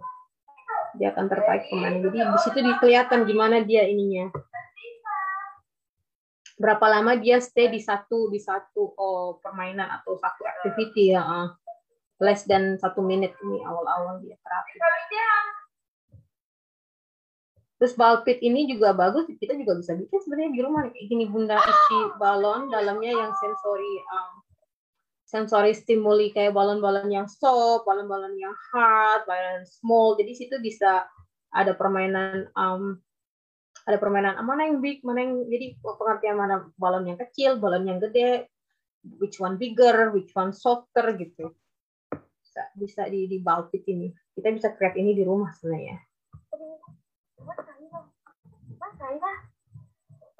Different warna, bisa taruh different warna balon kan jadi untuk meningkatkan kosakatanya dia. Nah tadi uh, activity through play, jadi koordinasi gimana dia gerak tuh pushing ini, um, terus tunnel takut nggak dia sama sesuatu yang panjang, cuma dia motoriknya main uh, main permainan ini. Jadi dari ini juga kita bisa kajarkan dengan uh, banyak kosakata gitu. Dan kalau ada teman, ada ada grup playnya, misalnya ada beberapa anak, dilihat gimana dia interaksinya dengan anak yang lain. Apakah dia akan main bergantian atau tidak, kan? Terus ini ini sudah satu tahun terapi, dia udah bisa main role play jadi dokter dan kasih obat ke adiknya. Sebelumnya nggak nggak bisa seperti ini. Nah ini yang tadi saya rutinitas um, ini baru dimulai baru berapa bulan ya? Itu juga achievementnya. Jadi kalau jam 6 tuh dia bangun gitu. Oh, habis bangun tuh langsung nonton TV atau uh, makan pagi jam sekian gitu. Brush your teeth. Jadi pertama kita lanjut ayo brush your teeth gitu kan. Um, terus get dressed and go to school gitu go, go to childcare ini untuk ini aja untuk uh, jadi ada ada short period aja jadi nggak nggak jangan terlalu panjang juga ininya apa rutinnya. Jadi ada ada kita breaking step aja dulu sampai dia ikutin itu uh, ritmenya. Uh, ritme pagi dan ritme malam. Nah ritme malamnya udah jam 5 makan makan malam mandi your teeth kayak pijama main sebentar main yang main yang tidak terlalu aktif kayak main blocks atau apa Uh, kemudian bedtime story, go sleep. Jadi uh, dari jam 6 itu TV sudah mati gitu. Jadi udah tahu dia tandanya tuh TV mati berarti oh gitu. Udah nggak ada lagi TV. Berarti dia lari ke atas dan lihat lihat gambar visualnya ini dia. Nah, ini contoh dia main sisa karena ini kemampu, salah satu kemampuan yang harus bisa juga anak umur girl, it's deeper. Testing, what do we open, close?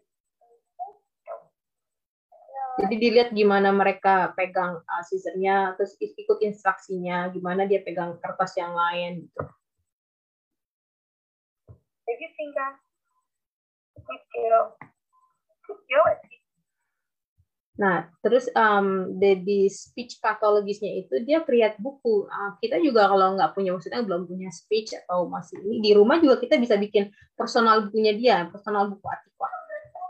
Di depannya ada fotonya dia, cuma saya nggak ada nulisnya latihan nama, terus aku nulis favorit warna saya apa itu dia purple nulis foto foto family rumahnya di mana mobilnya apa schoolnya apa, guru saya siapa, favorit staff, lagu, terus ini sekalian sama uh, warna-warna sampai toys-nya apa.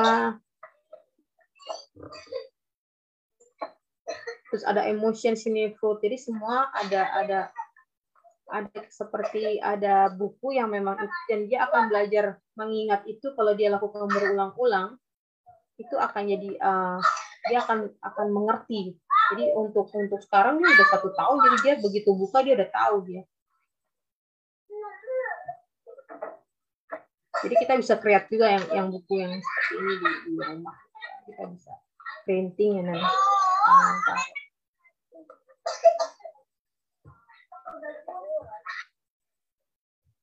Jadi bunda apa sih yang perlu anak setiap anak uh, 10 um, 10 things yang setiap anak dengan autism itu mau kita tahu gitu.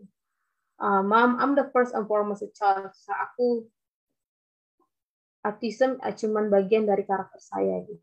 Saya uh, uh, saya adalah anak-anak gitu basically. Um, ordinary saat maksudnya um, uh, thing yang kelihatannya normal, normal sound, normal uh, lampu, normal touch di everyday life itu yang tadinya yang sebenarnya itu normal tapi bisa uh, painful buat buat saya gitu. It's not, uh, bukan karena saya nggak mau denger bunda gitu, tapi karena saya nggak ngerti uh, apa yang bunda mau gitu. Jadi kadang-kadang kalau kita bicara mereka seperti, hmm, bukan karena nggak kadang-kadang listen listen gitu. Cuma karena mereka nggak ngerti ya. Saya suka rutin karena saya tahu apa yang harus uh, expect. Jadi mereka oh nanti habis ini apa habis ini apa dia jadi in control. Jadi dia um, in control terhadap dirinya dia. Dia dia suka rutin dia suka sameness. Jangan bandingkan saya dengan anak lain karena saya spesial in my way berat buat saya, buat saya untuk memberitahu Bunda apa yang saya butuh karena saya tidak tahu kata apa yang harus saya ucapkan. Uh, sabar dan konsisten, saya akan belajar lebih uh, baik kalau kamu uh, mengajarkan, menunjukkan, dan melakukannya bersama saya. Uh, lebih fokus apa yang kepada yang bisa saya lakukan daripada kepada hal yang tidak bisa saya lakukan. Saya mau main dengan yang lain, tapi saya tidak tahu caranya bagaimana. Love me unconditionally, because I promise you I love you even more. Itu ya bunda ya. Um, jadi uh, sampai pada bagian penutup, um, sabar, ikhtiar, dan tawakal itu adalah kunci untuk menghadapi atau membersamai anak yang istimewa ini. Bermain itu penting dalam proses perkembangan mereka. Mereka butuh rutinitas uh, dan nikmati prosesnya uh, step by step. Alhamdulillah itu, uh, itu saja yang bisa saya sampaikan yang benar datangnya dari Allah. Yang, yang kalau ada kekurangan itu dari saya pribadi. Um, uh, saya tutup Assalamualaikum. Kembalikan kepada Assalamualaikum warahmatullahi wabarakatuh. Waalaikumsalam. Assalamualaikum warahmatullahi wabarakatuh. Saya kembalikan kepada moderator. Jadi ikut tik ngomongnya. Uh, Silakan. Um, uh, penjelasan yang sudah dipaparkan oleh Umu Amira tadi uh, yang perlu kita pahami setiap anak itu mempunyai apa kelebihannya masing-masing gitu ya apalagi di saat kita sebagai orang tua diuji dengan uh, anak yang spesial, anak yang istimewa. Dan uh, alhamdulillah kita sudah tahu uh, bagaimana apa sih faktor penyebab uh, lambat an, uh, anak lambat berbicara dan faktor penyebab anak-anak autism serta bahkan uh, bisa bisa dideteksi dari kita lihat dari tumbuh kembang anak-anak. Dan bahkan di sini uh, Umu Amira juga sudah menjelaskan uh, apa solusi gitu ya solusinya dan uh, apa yang harus tips-tips yang harus kita lakukan sebagai orang tua. Dan yang pertama kali yang harus kita uh, apa kita sadari uh, semuanya itu atas ujian Allah uh, semua sudah ketetapannya Allah kita harus terima uh, jangan sampai apa pasrah gitu ya putus asa bahkan berprasangka buruk kepada Allah Subhanahu wa taala. Uh, mungkin teman-teman di sini ada yang mau bertanya atau sharing dengan pengalamannya yang mempunyai anak uh, spesial dipersilakan.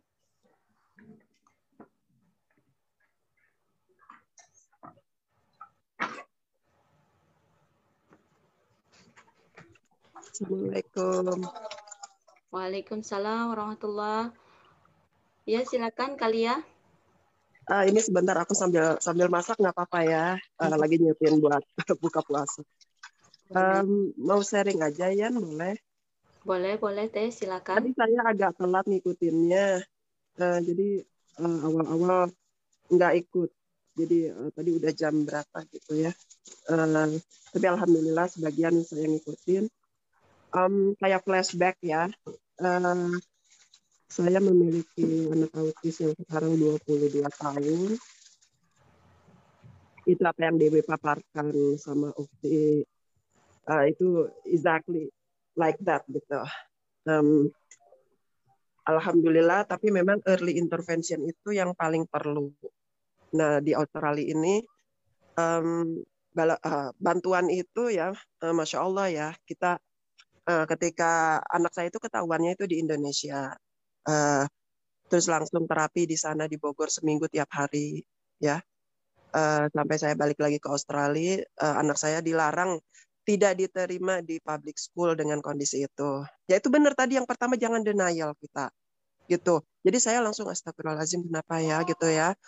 Uh, saya langsung lari ke sana kemari saya pergi ke New South uh, apa namanya itu uh, departemen pendidikan gitu ya saya minta tolong gitu karena anak saya tidak bisa sekolah gitu kan.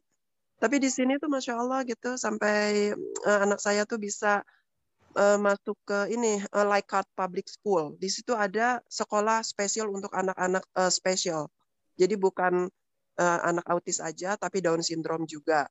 Jadi di Leichhardt ini anak-anak uh, dua tahun uh, belajar di sana Nah waktu itu eh, emang Allah punya ini ya, saya kan belum permanen residen gitu, hmm.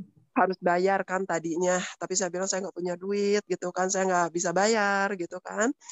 Ya kadarullah, masya Allah itu Allah baik banget gitu, saya sampai uh, dikasih uh, apa transport itu saya waktu itu tinggal di Merrickville dikasih transport bolak-balik itu anak untuk sekolah dijemput diantar dijemput begitu sampai dua tahun hmm. hingga dia mencapai ke uh, apa namanya public school. Nah ini yang tadi uh, disampaikan memang early intervention itu perlu. Nanti ada namanya speech therapy, ada aduh bahasa bahasanya saya nggak nggak hafal ya mm-hmm. gitu. Nah, nah di sini itu juga ada saya mau info uh, mengenai organisasi yang namanya NDIS gitu. Jadi nanti kalau uh, kita ngeplay untuk NDIS itu nanti biaya biaya untuk terapi, speech terapi dan bahkan kita bisa mendatangkan misalkan kita sibuk nih sibuk nggak bisa uh, ini ya ada bisa mendatangkan orang lain untuk uh, ngajak nih anak gitu jadi hmm. mereka ke rumah hmm. ya entah itu uh, belajarnya entah itu itu uh, help uh, service dari NDIS tentu dari dana itu ya nanti dikeluarin dari dana itu hmm. gitu nah itu terus ada uh, pokoknya terapi-terapi seperti speech terapi itu kita nggak bayar karena didanai sama mereka. Terus nanti untuk transportasi itu juga nah itu ke pocket kita misalkan seminggu dapat 100 dolar misal untuk transportasinya gitu. Tapi di luar-luar yang lain eh, dana-dana itu dipegang sendiri sama NDIS uh, dan itu dilihat uh, levelannya. Kalau misalkan anak dengan autis atau uh, anak spesial ini saya tidak bicara autis saja ya, ada Down syndrome, ada ADHD dan sebagainya. Uh -uh. Nah itu uh, di, dilihat nanti di assess dulu si anaknya. Anak saya itu waktu itu kebagian 20 ribu setahun. Tapi ya kita nggak bakalan nggak kepake semua juga anyway gitu ya. Jadi cuman uh, dipakai untuk speech therapy, terus kayak berenang itu perlu banget katanya bagus untuk anak-anak uh, dengan kondisi seperti ini. Nah itu tuh uh, dari situ dananya gitu. Jadi di sini Uh, Masya Allah ya uh, bantuan itu, aduh saya tuh sampai kadang pengen nangis gitu, pengen doain aja mereka masuk Islam dah, udah dah gitu kan baik banget gitu kan, istilahnya gitu ya. Masya Allah. Jadi tadi saya mendengarkan kajian-kajian ini, ya Allah, saya bilang flashback semuanya dari uh, apa eh, cara-cara tadi gosok gigi dilihatin gambar itu that's exactly like that. Bahkan uh, untuk mengenali saya aja waktu itu anak saya juga dikasih foto saya, dikasih foto saya bapaknya ini bapaknya loh, ini adiknya ini gitu. Iya, jadi pakai pakai personalis buku iya tadi Iya benar-benar jadi saya Masya Allah. Iya jadi gambar ini ayah, ibu. Iya betul sekali gitu. Nah itu untuk mereka betul betul. Jadi uh, cuman mau info aja kalau uh, untuk uh, kayak bantuan itu yaitu organisasi NDIS itu uh, membantu sekali dalam arti kan kita kadang keuangan atau gimana kan walau alam ya kita uh, kan nggak nggak murah itu kayak speech therapy ya kecuali bisa tercover pakai Medicare gitu atau kita punya uh, apa itu. Uh, tapi kalau bagi saya saya kan nggak punya waktu itu health fund itu nggak punya uh, apa namanya. Jadi ya benar-benar membantu sekali gitu aja. Saya tadi mikir hmm, ilmunya baru dapat. Masya Allah ya, kalau di sini Insya Allah uh, apa government itu mensupport gitu ya. Nah, betul kita, betul.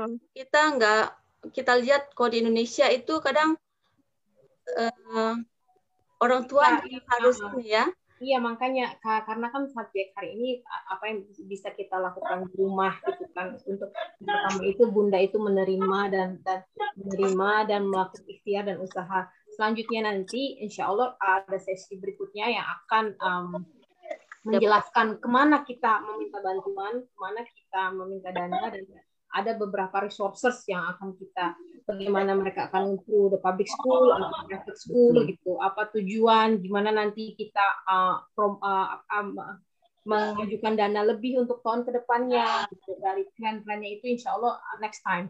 Jadi enggak jadi betul. Nah, hari ini saya pengen sharing sih ini sama teman tapi temennya juga ya itu belum apa-apa udah denial. Dia bilang uh, apa uh, anak saya nggak apa-apa kok li katanya gitu. Oh, tapi ya sudahlah nggak, saya sudah cuma nggak cuma teman Bu Lia aja banyak. Makanya sebenarnya yang saya saya sebenarnya denial itu tuh karena orang tuanya ya. Tapi kalau kita tadi balik lagi ke fitrahnya ke anaknya. Sekarang kita ada untuk mensupport anak kita gitu kan um, terutama yang hidup di Australia. Kalau di Indonesia, subhanallah terapi itu mahal sekali, hmm. mahal amat, Betul. sangat amat. Karena di sini pun mahal. Sejam terapi itu yang saya, maksudnya saya dapat fun juga. Jadi sejam itu paling enggak kita kalau psikologis itu sekitar 220. Itu 220 hmm. per, per week ya, eh, per hour. Terus ada um, behavior therapy itu sekitar 190 antara jadi antara range itu antara 250 sampai uh, dari 200 ke 250 per jam. Jadi kalau kita perlu tiga terapis per week gitu kan, berapa banyak kita keluarkan uang kalau dari kantong kita sendiri gitu ya. Tapi alhamdulillahnya di sini uh, kita punya punya punya, punya dana gitu.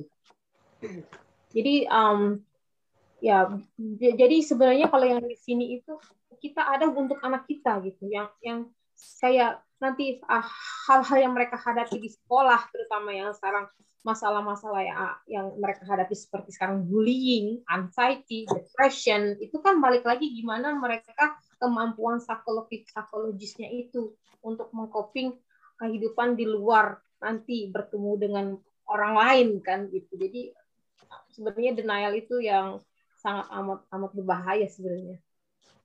Maksudnya kita kita sebagai uh, kesian juga gitu, kesian anaknya gitu kan. Mm-hmm kalau di sini kita ada jalurnya, kenapa enggak dimanfaatkan gitu? Kalau kalau yang di Australia. Jadi uh, tadi juga ada tambahan masukan juga saya uh, ada ada beberapa tipe autistik juga tadi uh, nggak saya masukkan di uh, di slide. Satu itu tipe yang kalau misalnya dia contoh kalau ada kemampuan kemampuan dia ber, berkompromi dengan lingkungan ya. Contohnya dia dia di di, di uh, taman bermain terus ada ada kelompok anak bermain gitu kan. Terus uh, dia mau mau saya mau main enggak? Saya mau main enggak. Ah saya enggak suka. I don't like it I don't like it play with them karena termasuk banyak teriakan, banyak shouting, I don't like shouting gitu kan. Jadi ada pertama tipe yang dia memang rejected, dia nggak mau langsung balik badan. I don't like play with them. Itu tipe tipe pertama autism. Kalau nanti mereka datang, ayo main ke sini, saya akan menolaknya atau atau saya akan push mereka gitu. Yang kedua itu ada tipe yang um, datang langsung main ke uh, ke taman bermain itu, tetapi dia langsung yang dominan dan dia langsung masuk personal space orang lain gitu. Jadi dia uh, kamu ini, kamu itu, kamu ini. Jadi uh, nah yang seperti ini ini berbahaya saat mereka uh, uh, dewasa karena jatuhnya akan intrusif gitu kan. Karena karena dia masuk ke ke, ke personal space, terus dia uh, bossy, dominan gitu kan. Um, mereka nggak tahu kalau umur tiga tahun mana tahu kan nanti efeknya di saat mereka dewasa kan. Jadi ada ada mungkin orang tua yang melihat itu normal, ah, anak saya normal kok seperti itu gitu misalnya. Suka. Terus ah, maksa main anak yang lain. Kalau anak yang lain nggak mau main mungkin dia takut kan.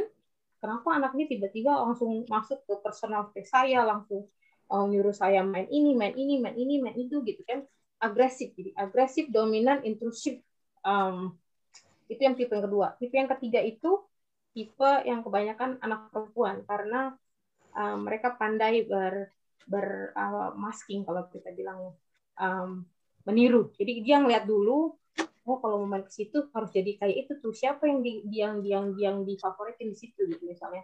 Oh misalnya si Emma, oh everyone like Emma, I'm gonna be like Emma. Dia akan melihat, analyzing, and then imitate it. Terus dia main. Ada tipe yang seperti itu. Jadi ada tiga tipe juga. Hmm, sebagai sekretaris, sekedar tambahan aja. So, kembali lagi ke Yan, so Yan. Ada yang ingin bertanya Ibu-ibu? Boleh tanya dong. Boleh, silakan. Yeah. Uh, itu tadi apa yang terkait screening itu untuk kalau mau screening itu di mana ya Warsiti? Um, uh, kalau screening pertama um, yang bagus itu kita ke GP dulu Marista bilang concernnya seperti apa. Hmm. terus nanti minta referral. Dari mereka nanti di referral ke pediatrician uh, community.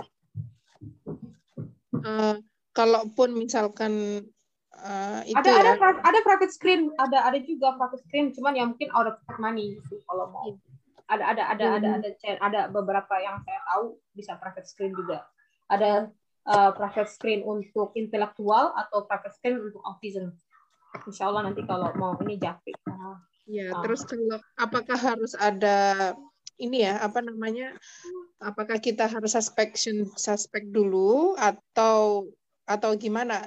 Iya, yang pertama dulu Atifa kita suspek kan, terus dia ada hmm. screening di sekolahnya ada speech speech community datang untuk screening untuk uh, general screening aja. Tapi kita ditanya kamu anak kamu mau di screen nggak?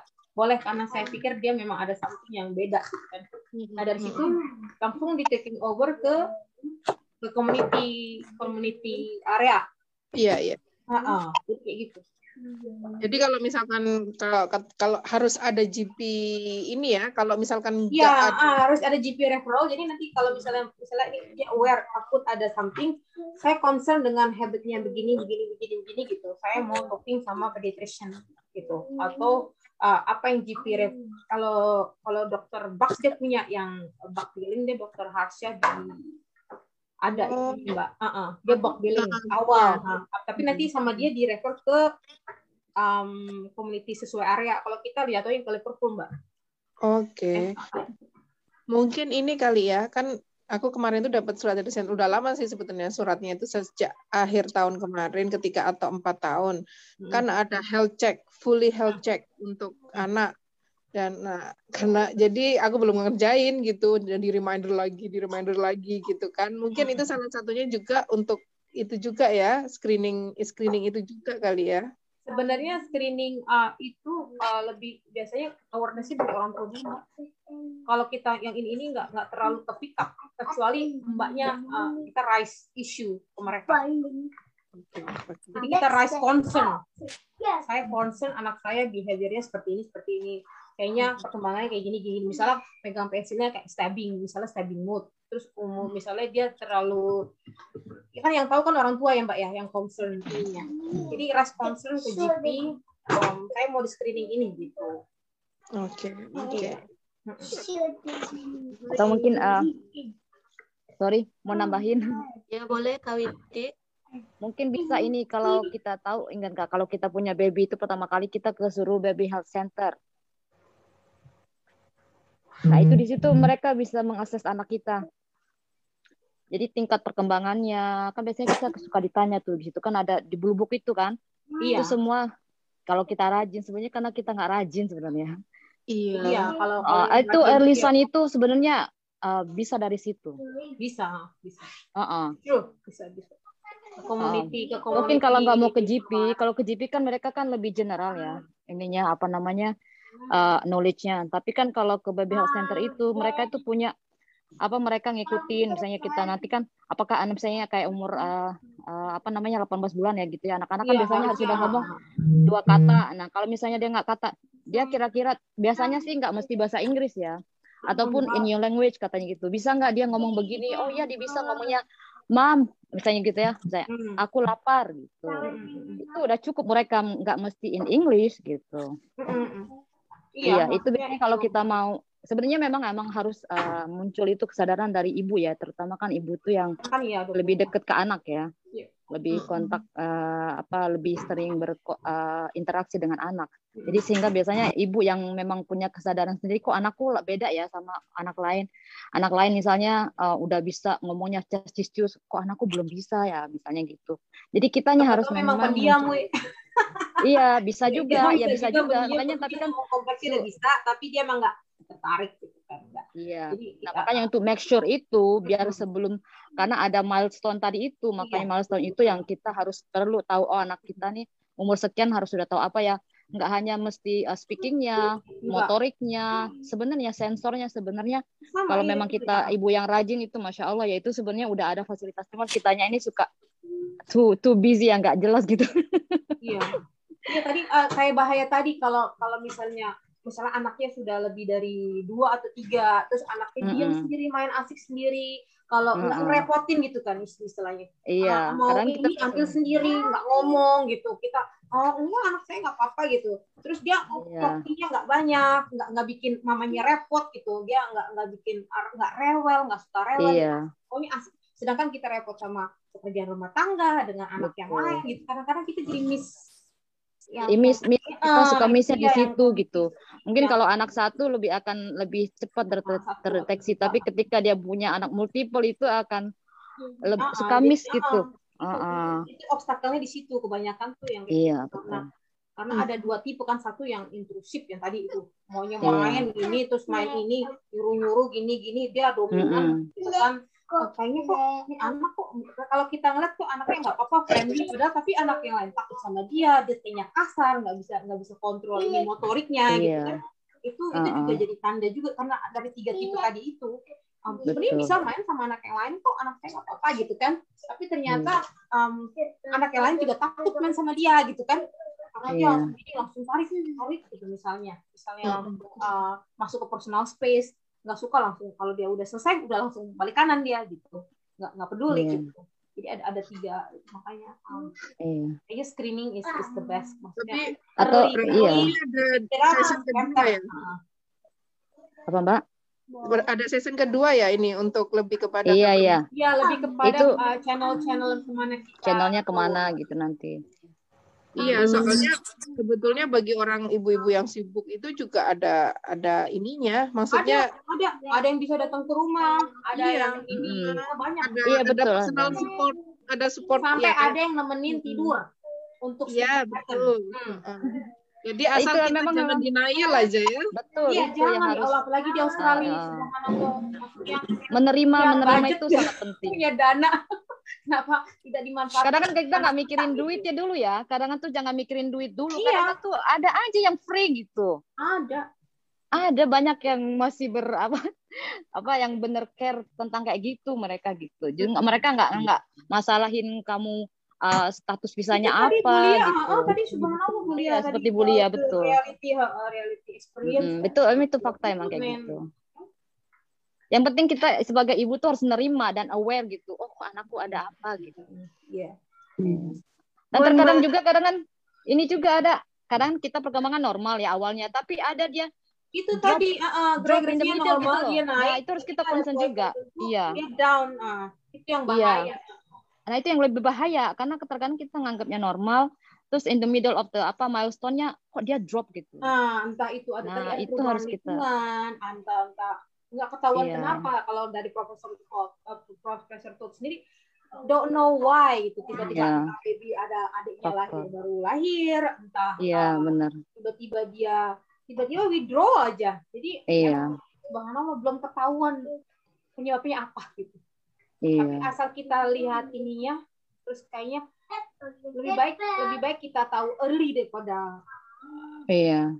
daripada nanti kalau ke sananya nanti dia lebih bisa karena nanti tak jatuhnya ke anxiety ke uh, over over overwhelm which is kan bisa depression bisa ini ke, ke, ke next next stage of their life gitu kan. Kalau Iya, mungkin toddler ke ini persiapan school aja school age kan gimana dia bisa cope di school gitu kan.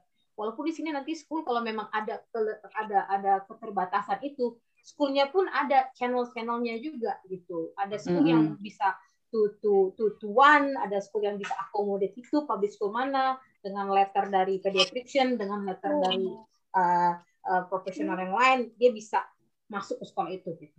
Contohnya tadi kayak Bulia tadi di sini subhanallah fasilitas itu um, ada gitu.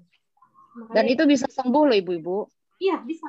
Asal dengan temanku support. aja aku bareng bikin itu wit temanku teman kerjaku college college register nursing. Iya. Ini am deh am ADHD you know that dia punya disleksia dia punya apraksia Oh. sekarang dia kerja jadi profesional Oh, Masya Allah. dia ngomong sendiri ah, am am that one katanya karena aku lagi bikin ini kan note kan what you doing with that one katanya Maaf satu pertanyaan lagi boleh nggak?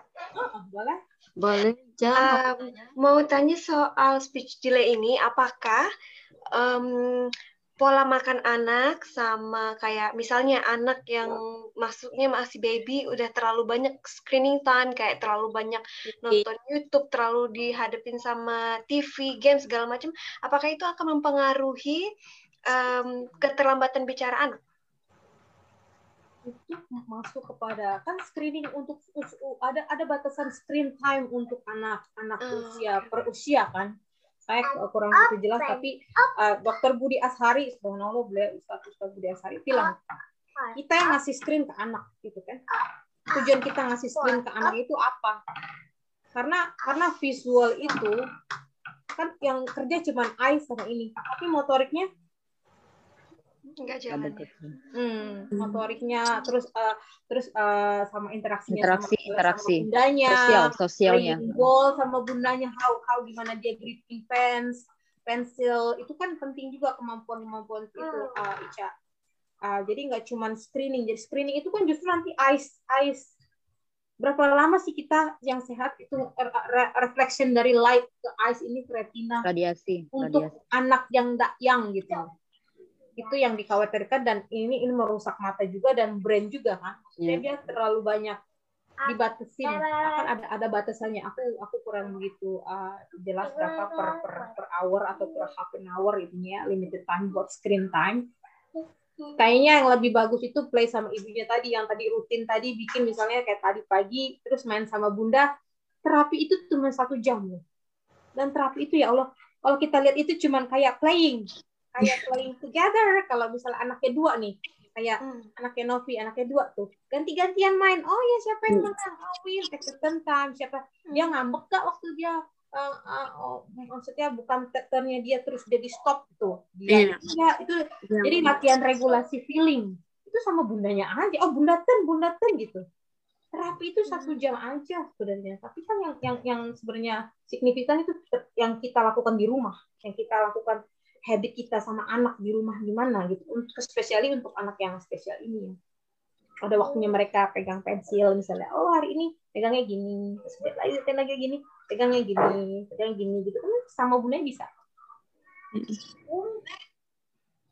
Gitu. Tapi Tapi iya jangan lupa itu juga ya orang sebagai ayah juga misalnya, Oh, kan tadi udah dibilang. pasangan perlu ya. itu itu penting Itu, loh. itu yang susah, Itu yang Itu yang susah.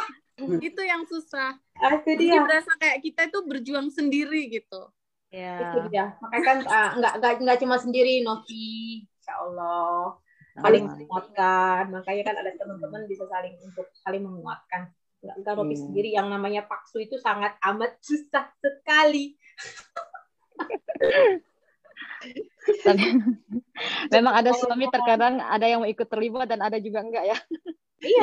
Ya, diusahakan harusnya biar dia tahu kondisi anak. Mm-mm. Mm. Jadi pelan-pelan lah doa lah. Apalagi dong kita ya, jadi istri ya. Harus Mm-mm. mamanya, jadi jangan sampai mamanya tadi tuh yang stres, yang overwhelmed. Aduh bundanya stres, gimana dong kalau bundanya stres? Iya, kalau ibunya stres gimana mau anaknya mau membantu anaknya gitu. Iya, benar. Ada yang ingin bertanya lagi? Dong. Batasan Em, satu Novi mau tanya ini kayak boleh? buat sekolah itu loh. Kan anaknya Novi kan sekarang udah tiga tahun em, 8 bulan ya. Terus udah sempet ke tel kan Novi di, tinggalnya di Lakemba. Jadi kan harus ke public school Lakemba. Udah sempet telepon tapi dua tiga atau bulan yang lalu tiga bulan yang lalu kayaknya tapi sampai sekarang itu nggak ada jawaban gitu sedangkan psikologisnya itu nyaranin buat kayak eh, sekolah lebih awal gitu loh kayak buat percobaan dulu kayak prakteknya dulu gitu tapi sampai sekarang waktu itu eh, eh, eh, eh, untuk yang kindi jadi sampai sekarang tapi Tiga nggak ada setengah, ini Novi tiga setengah masih lama Novi. Um, tiga setengah tahun itu kalau kemarin jadi Novi harus nunggu pediatrician dulu. Kalau udah dapat pediatrician referral dari community, mereka yang akan bantu kalau memang anaknya sudah ready for school. Jadi tiga setengah tiga setengah justru malah terbalik ya kalau sama psikologisnya Atifah kalau bisa Iya. di held back. Jadi maksimal ke enam tahun karena jadi biar Hmm. dia ready uh, psychologicalnya dan social skillnya jadi nggak cuma kognitifnya karena kalau kalau- karena kalau kita trial nanti kalau udah trial kalau step back jadi malah lebih uh, susah kayak withdrawing gitu jadi um, jadi tunggu school age aja dulu sekalian referral ke pediatrician community nanti di sana kita discuss masalah uh, school readiness Hmm. Ah. Kemarin sempat tel- telepon ke pediatriciannya kan, terus kata dia malah Novi disuruh make appointment sama prinsipalnya, terus kayak disuruh discuss nanti mau ap, kayak dokumen-dokumen apa, nah pediatriciannya nanti yang dia mau kasih itunya ke gitu jadi Novi jadi bingung sedangkan kan kayak anak pertama jadi kan kayak nggak tahu sekolahnya dari umur berapa ininya dari berapa jadi kayak belum masih tiga setengah tahun sayang masih Umur Gitu, umur jadi berapa anak Novi? Tiga setengah tahun umurnya. tiga, Oh, sama, coba jadi- ke Kurana. Coba Ya, ke Kurana. Kurana itu dia punya fasilitas buat anak-anak yang kayak gitu. Hmm. Tapi Kurana yang di kalau Widi sih pernah masukin anak ke Kurana di Philip Street ya. Jadi Iya. mereka punya apa ada hari spesial buat yang anak-anak yang seperti itu, ada khusus dia dia nggak everyday sih. Nanti mereka kasih tahu kalau memang anak kita ada masalah, jadi nanti kita masuk on that day gitu. Heeh. Di Kur- tapi harus em, itu ya mereka waiting list, jadi harus let them know. Mm-mm. Gitu. Kurana kan ada dua, ada yang di Lakemba sini, di Croydon Iya, ada Street, yang di Croydon sini sama ada di Philip Street. Oh. iya. Tapi yang Mm. yang tapi lama kan. Novi tuh takutnya telat gitu loh kan. Kan kena Enggak, anak enggak, pertama. enggak. Jadi kayak nggak tahu apa-apa gitu. Sekolahnya dari usia berapa, terus harus masuknya gimana, terus umurnya berapa. Jadi kayak bingung gitu. masih masih tiga setengah masih inilah Oh, belum, belum, belum. Jangan salah kita jangan too early nanti dia much uh, too much pressure ke Preschool. ininya Iya karena sampai sekarang pun masih belum lulus toilet training gitu loh. Jadi Novi kayak aduh gimana udah kayak masih belum bisa ngomong juga kan. Jadi masih non verbal jadi masih berusaha tunggu di sampai situ. tunggu sampai empat setengah lah. masih Hmm. ada semangat ya Mungkin kalau sementara Soalnya ya ke- waduh itu Kurana. bener-bener waduh waduh waduh nightmare itu sama Atia saya udah ngalami sama Atifah waduh itu hampir ah subhanallah dah journey-nya dinikmati Iya. aja insya Allah get Iya. there insya Allah yang penting Novi konsisten sabar sama rutinitasnya dia. Kalau emang mau toilet training memang ibunya yang harus "Hmm, siap anaknya toilet training gitu. Harus siap siaga harus Iya. ngeliatin dia ngapain ya. Kayaknya udah tanda-tanda ini. Iya. udah gitu kan kalau anak autis kan dia tuh salah satu yang takut sama suara. Jadi sampai sekarang pun nggak mau masuk public toilet. Karena dia takut hand dryer itu. Jadi susah kayak di rumah mungkin udah oke kayak udah nggak udah lepas nepi gitu. Tapi kalau keluar jadi nggak bisa masuk ke toilet aja nggak bisa. Jadi nangisnya minta ampun sampai ya Allah kenapa sih Pati? gitu. Jadi nggak bingung gitu. Sampai kadang di rumah hair dryer aja udah mulai takut nggak mau masuk ini toilet. Itu tadi yang ter, ter- terlalu banyak ini uh, sensori dia. Memang nggak brandnya memang seperti itu no Iya. Jadi memang pelan-pelan transitionnya Iya, benar. Oh. Karena memang dia nggak bisa much laut kan emang udah kondisinya gitu. Jadi ya, jadi kalau kalau mau ke mall usahakan pipis dulu di rumah gitu kan. Jadi nggak perlu ke toilet di, di mall gitu atau uh, pipis dulu. Biasakan uh, dudukin dulu di toilet gitu. Sebelum sebelum pergi um, Baik ya Ibu-Ibu, eh, sudah jam 5 lewat 5, di sini sudah waktunya maghrib di Australia. Eh, insya Allah akan ada part kedua masalah speech delay dan eh, autism ini. Eh, semoga semua yang dijelaskan oleh Umu Amira tadi dari faktor-faktor penyebabnya, eh, terus apa ciri-ciri apa gejala-gejalanya seperti apa, terus apa yang harus kita lakukan sebagai orang tua gitu ya eh, sebelum sebelum anak-anak itu terapi gitu. Kita sebagai orang tua aktivitas di rumah itu untuk eh, mendukung eh, perkembangan si si anak. Eh, semoga apa yang ilmu yang kita dapat hari ini eh, menjadi ilmu yang barokah yang dapat kita sampaikan kembali kepada teman-teman ya, kepada orang-orang yang terdekat kita yang mungkin eh, mempunyai apa mungkin di mempunyai anak spesial atau anak yang istimewa. Jadi eh, insya Allah kita juga eh, tidak lupa untuk eh, selalu mensupport eh, teman-teman yang yang apa yang diberi ujian eh, anak yang seperti ini, insya Allah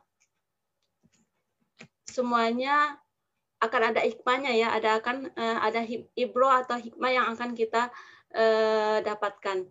Eh, marilah teman-teman eh, kita tutup eh, kajian online kita pada sore hari ini dengan membaca istighfar tiga kali dan doa kafaratul majelis. Astagfirullahaladzim, astagfirullahaladzim, astagfirullahaladzim. Subhanakallahumma wa bihamdika, asyhadu ilaha illa anta, astaghfiruka wa atubu ilaik. Eh, kurangnya saya mohon maaf.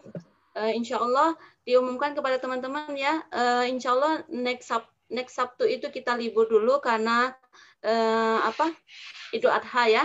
Eh, Idul Adha insya Allah di Sabtu akhir bulan ya akhir bulan eh, Sabtu akhir bulan Juli ini eh, akan ada lagi eh, apa CPS A. Dan kalau ada teman-teman yang ingin apa ada pesan atau kritik saran atau ada ide untuk memberikan eh, topik atau materi yang materi apa pun gitu ya yang ingin disampaikan di di CPSA silakan menghubungi langsung inbox ke Facebook eh, apa Facebook CPSA atau ke Instagramnya. Baik ibu-ibu, eh, saya tutup kajian sore ini. Assalamualaikum warahmatullahi wabarakatuh. Waalaikumsalam warahmatullahi wabarakatuh. Terima kasih untuk teman-teman semua yang sudah hadir. Eh, maaf lahir batin, Id Mubarak semuanya. Insya Allah minggu depan kita libur dulu. Ketemu lagi di tanggal 31 Juli 2021 di jam yang sama. Dan di channel yang sama insya Allah. Terima kasih teman-teman yang sudah hadir semua. Assalamualaikum warahmatullahi wabarakatuh. Waalaikumsalam warahmatullahi wabarakatuh.